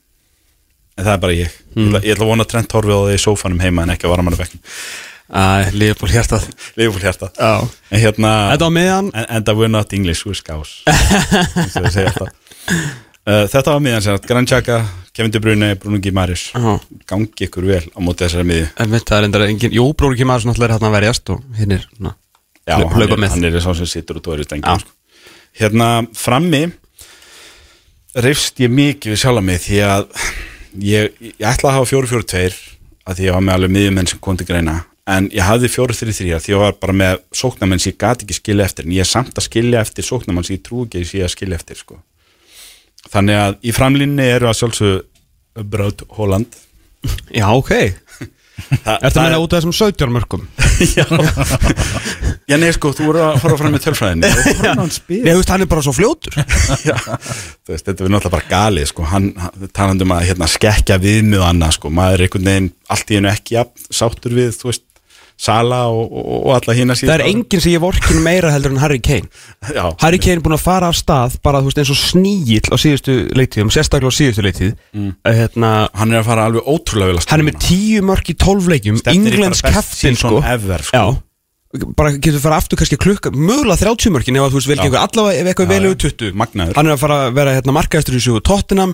Hann er að fara að sækja á hérna, hann, hann fyrir yfir Rúni hann fyrir í annarsætið, hann er að fá allt þetta og veist, hann getur ekki, hann getur ekki látið sér dreyma um guldskóin Nei. Og, og fær ekki tæp, það er alltaf verið að fjallum hann. Nei, hinn er engin Það var bara, ég held að við síðasta mattsöðu deg þá var bara, heyrðu, sko, Harry Kane er góður, sko. En, enda er hann ekki einn af þrejum bestu frammerjum þessa fjórðungs. Hann gat Kristján Æja Við, við hliðin á Erling Brot Holland er minn maður, Tony Vagnin Út á Tony. kanti Ævan Tony, nei ég er bara með þrjá frammeira Við ætlum bara áfram Já, þetta bara fútbolmaðan að sér Ég treysti bara til Brunni og Chaka og bakvörun til að koma með boltan Býtu þannig að þú er með þrjár nýjur er með og þú ætlar að skilja Harry Kane eftir að þið langar að geggjast niður og setja Alexander Mitrovic inn. Assalsvið Já, ég veist það, það, Mér finnst bara að skipta máli ef að Mitrovic er búin að skora einu marki minna en Harry Kane. Mhm. en hann er að gera það fyrir fullan sem er fyrir ofan Liverpool as it stands sko. Já, já, enda er ekki Liverpool maður í framlýninu Við erum að tala um tóttina minna Ég er bara að tala um að lið, þú veist, það er ekki eins og að sé eitthvað bestur í tossabekk Já, er hætti bara... að minna mig á þetta. Sorry, sorry, sorry.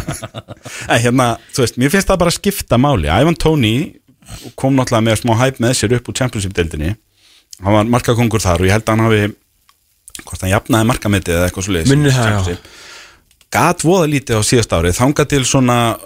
bara upp úr páskum. Þá allt í hennu sá maður eitthvað til sólar hjá hann Hann byrjaði vel og endaði vel En já. var ekki góður sko. Já. Um leið og Kristján Eriksson En sá er búin að vera á eldi núna sko og um áttamörk, tvær stóðsendingar og bara ljári í þúfu allra sem mæta Brentford, nánast hérna nema Aston Villa sem fór hans í með á síðast. Og svo Alexander Mitrovic sem að var náttúrulega frábær í fyrra með fúlam og, og er einhvern veginn þá að búið að segja okkur þetta væri annar Mitrovic sem við erum vanir hann hefði tekið hann í gegn tekið sér í gegn líkamlega, létt sér aðeins og komið sér í betra form og gert einhvern svona samningu við Marko Silva um að að vera í betra formi og láta vaða svolítið, láta reyna á þetta ekki, ekki ganga frá Englandi með svona eitthvað ef og hefði bara taktu þetta alvarlega. Og það síndi sér í fyrra og það hefur bara haldið áfram í ár, hann er bara óstöðandi það ræður ekkert lið við hann. Já, að Þetta eru þrý frammi en, en sko, ég er einu svona sári við því að Kane og Son sé ekki liðinu mínu sko. Ég, er, er aðalega sári við að hafa ekki komið Gabriel Jesus aðna af Já, sko, ég myndi segja Gabriel, sko, glæpurinn er að, þú veist, við raunum ekki, ekki þinn glæpur heldur bara margir Hvað er að gera þetta? Já, viking glæpkassi að hérna glæpurinn er að það sé ekki pláss fyrir Rodri Gabriel Jesus James Madison Phil Foden og Miki Almiron Já, en það erst þú ekki að velja liði Ég er að segja það, þú veist er hérna en ég er ekki að segja að ég myndi koma með öllum inn. Ég er bara að segja að þetta er Það, þeir komast ekki allir að Nei. og, og ekki Kane og ekki Son og, og þú veist, Jesus og ég hefði getað valið Odegaard líka og, veist, Martinelli. Já, já, ég hefði getað valið marga sko. Þetta er bara rosalega erfitt og, og ég reyna að vega með þetta líka svona, veist Það er alveg miklu meiri líkur á því að Gabriel Jesus verða þarna í áslokk lið ásins heldur en, heldur en kannski Ivan Tóni Sko ég geti sett upp í ég pressulið bara núna á einni sko. mínútu og unnið þittlið Það eru- svo margir búin að vera góðir sko. Láttu vaða, má heyra? Uh, en, Engana mínum, ég er búin að velja lið. Ok. Uh, Við byrjum, ok, ok, ok. Úrvalslið svona með frjálsri aðferð. Höfum við ekki tíma Elvar? El. Elvar sker úr um. Elvar, Elvar lýsir sigurvera okay. Liðið betra. Uh, Nick Pope í markinu. Já, Ég þarf svona aðeins að horfa hérna í kringum nei, þetta nei, engin tími, þú ert í byrni uh, uh, Varan og Ég uh, á tvo daga til að hugsa þetta hjá mér. Fyrir Byrju, Varan og uh, Þetta er erfinn í held Byrju, ég þarf að fara að- þú varst ekki með Kane uh, sko, ég er með hérna Ég er með Foden, ég er með Kane Og ég er með uh, Al Almirón alltaf? Nei, tek Martinelli. Og hérna Rodri á miðunni með uh, þú varst með Gimares og Saka já. Þannig ég er með Rodri, þú myndir Brunir líka. Uh, Bernardo getur verið með Bernardo Silva, Rodri, Foden og, og, Mart, og Ödegard hjá þér. Ödegard, Ödegard, það var það sem ég var að að sjá? Hérna, vörninn, er eiginlega byrju, hægri bakur, hægri bakur, hægri bakur, hægri bakur, hægri bakur. Má ég vel að risti um sig það er mittur, Þú, þitt lið. Takk. En Eh. þú getur ekki verið vissum að hann sé í liðinu sko. Nei. Þú vilt, velja leikmann sem spilar. Uh, ég ætla að ég að hafa já þú náttúrulega skildir eftir Cancelo hann, hann kemur hérna vestra með mér. uh, Varan og miðvörður með honum er uh, við erum með honum er Alltaf Vátt Fass, já, já, Fassarinn kemur hérna inn og hægri bakurur, þetta er eins og segja með frjálsri aðferð. Ég var sko að tölfræðina á meðan hann hugsaði aðeins Já. og ég sá sko hérna Pascal Strák er meina best tölfræðina af miðvörum í deildinni og ég bara glæta hann að ég færi að sitja miðvör frá Leeds United á þessum tíðanbúndi í liðinni. Sjána lít sko. Uh, engin svona tóttina nei, þe- þetta er ómikið unit sko. Heyr, ok, ég hérna að því hann er búin að vera að fara aðeins uh, ok, ok, klár Já, Nick Pope, þetta er 43 Þetta var gert miklum hraði, ég hugsaði eiginlega ekki neitt. Nick Pope, Rhys James, Raval Varan, Wout Fass, João Cancelo. Á miðunni Rodri, Bruno Fernandes og uh, hérna Martin Ödegaard Frammi Foden, Martinelli og Kane Þetta er geggjað. Þetta er geggja lið. En þú gerir grundallega mistök oh. Þú skildi Vátt fas eftir inni og ég með Holland þannig ég vinn alltaf. Sorry, þetta er bara búið. Ok, fair enough. Þú átti bara að láta formni lönd og leið og henda bara varan og fann dæki liði skilur. Fann dæki er eini maður sem er mætt Holland tvísar í, í vetur og hann Já, ok, skora ekki ok, ah, ok Góða punktur, þetta er svona svolítið endilega sko Vátfas, Vát- flott. Hann var svolítið elvar að kenna, ekki mér Hann peppa við svo Og mikið í fasa vegna er Elvar ekki að velja. Þetta Nei, nákvæmlega. Þetta er svona eins og þegar við erum að ræða hérna Myndi Chicago 96 vinna hérna, Golden State 2019 eða eitthvað? Í hverju leginn er Jordan? Takk Já, fyrir, og, næsta mál. og hvernig eru reglurnar? Já, það skiptir ykkur máli. Ef að við erum að fara í NBA umræna Hvernig eru reglurnar? Því ef reglurnar er eins og það er í dag Þá getur við runnið Ef reglurnar er eins og það voru Nei. 96 Þá áttu ekki breyki Michael Jordan. Svarið er alltaf Svar er alltaf One, the other team, one of the teams has Michael Jordan and that's the team that's gonna win. Það er ekki flókið. Er verið að spila um titil? Já, Jordan vinnur. Eru þú með fleiri velun, það ekki? Jú, uh, þjálfarin eins og ég sagði hann er Mikkel Arteta. Mm. Bestur óvænt Erling Brótt Já, mjög vant Og vombriðin verða að vera Steven Gerrard. Já, persónlega vonbreiði fyrir þig? Ég, nei, ég, ég held að það- hlutlöst með að þá held ég að hann sé vombrið tímabil sín tunga til. Já, En persónulega þá er þetta náttúrulega bara vombrið áratjóðins Tunga til sko. Minn maður. Já, ég, já, ég er ekki að grína sko. Já, Aston Villa treyju sko. Ha? Ég, ég, ég, ég hef aldrei þóra að koma inn til ykkar Ég kefti með treyjum árum á til Í alvörunni? Segðu mér að þú sett einn Gerrard aftan á Gerðu það fyrir mig. Ég kefti helst samt. Hún er bara inn í skáp, ég hef aldrei farið í hana maður. Ég bara, ég hefn, hefn það ekki í mér en, en ég er bara svo mikil sérrátt maður, ég get ekki að gert. Þetta er eini leikmaðurinn í gegnum tíðina sem ég bara hef ekki síða skipt yfir.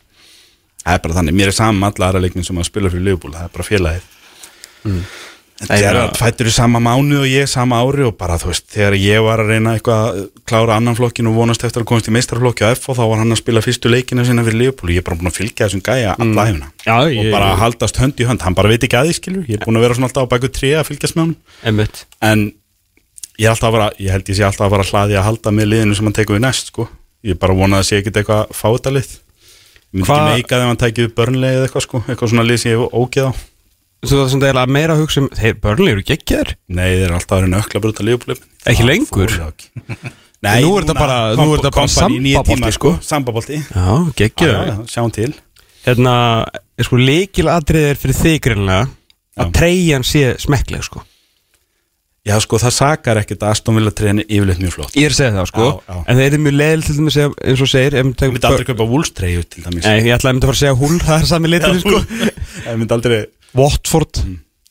Hvað ferið er best? Svona, hvað, hver er þinn litur? Herðu, ég er ekki mikið treyjukall Nei. Ég fer til dæmis aldrei treyjum á leiki eða eitthvað svoleið sko Ég er ekki mikið fyrir það en maður notar þetta í ræktinu og svona Já, áhagamál, ég er svona lúmst áhagamál Ég sapna svörtum treyjum Ef að lið gefur út allsvarta treyju Sérstaklega ef hún er ekki með einhverjum ósmekklegum öllusingum Ég er svolítið á móti öllusingum og það er svona svolítið mikið fyrir landslýsbúninga Ok Þá, þá, þá freistast Kristján Halli sko. Þá, þá, þá dæmis- hann að takka hann í símanum og kaupa sko. Ah, by now. Já, til dæmis uppáhaldstreyja mín sem ég á núna það er fyrir, fyrir síðasta Euromót það er svarta treyjan hjá Þískalandi Svakaleg. Ógeðslega flott, já, hann er heima En ertu búin að kaupa nýju Arsenal treyjuna? Uh, Nei, það er Arsenal, come on.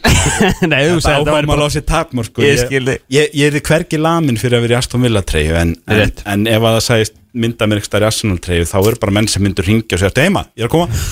En en danska landslistræja nýja fyrir Nýja HM hum, ég ætla að fara að segja sko, nýja hummel danska Hún er náttúrulega alsvört, það er allt svart. Þetta, Já, er, já. þetta er bara dammur Þetta er- ég, ég þekki á marga Dani sem að myndu ekki láta mér frið Já, við séum Það er að vonda, en hún er ógeðslega Það er bara eins og flottast þess að ég sé lengi sko. Það er náttúrulega mótmæla hérna, mannréttindabrótum í Katar með því að hafa hana bara alla svarta. Þú er ekki lits með svarta vara treyjuna?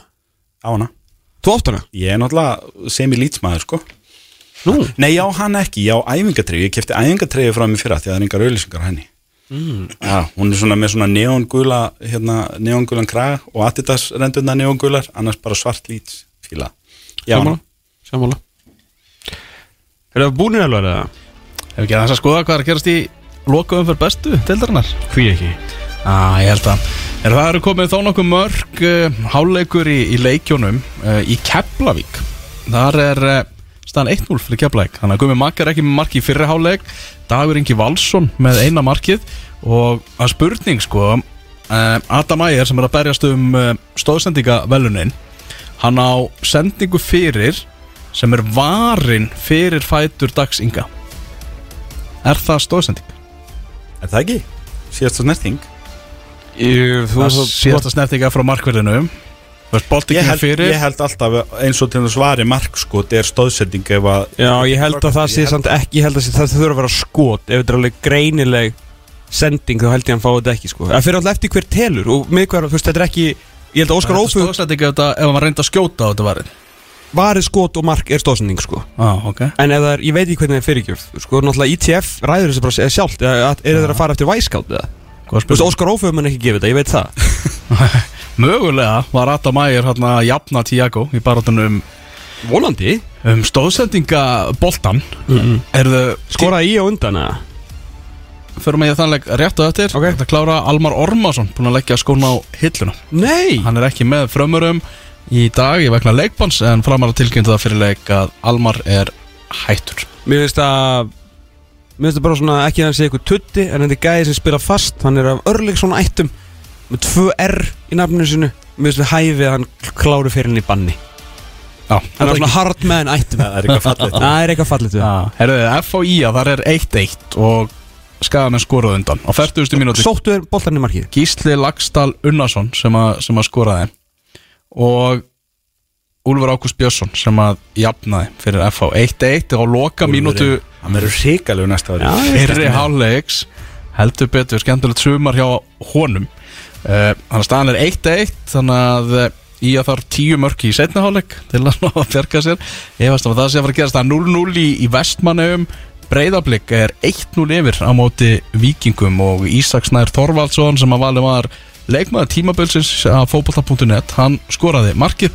Höskuldur Gunnlaugsson sem var með í liði ásins hann átti stóðsendinguna Vingar með heiðusvarð fyrir blikana Já, stóðu heiðusverð Vel gert vel gert hjá þeim um, Öðmíkt Já, það er Algjör. þema, auðmyggt uh, Ómerkilegasti leikurinn af öllum ómerkilega ég að sé K.R. stjarnan og það er bara vel og hæfið að sé 0-0 uh, Svo er K.A. 2-0 yfir á móti val þannig að K.A. er að fara að tryggja sér annarsætið í deildinni Lasse Petri, hann varði með hendi og fekk að líta rauðaspjaldi á 2009. mínútum Hallgrimur Mar tók vítaspilnuna og skoraði af öryggi.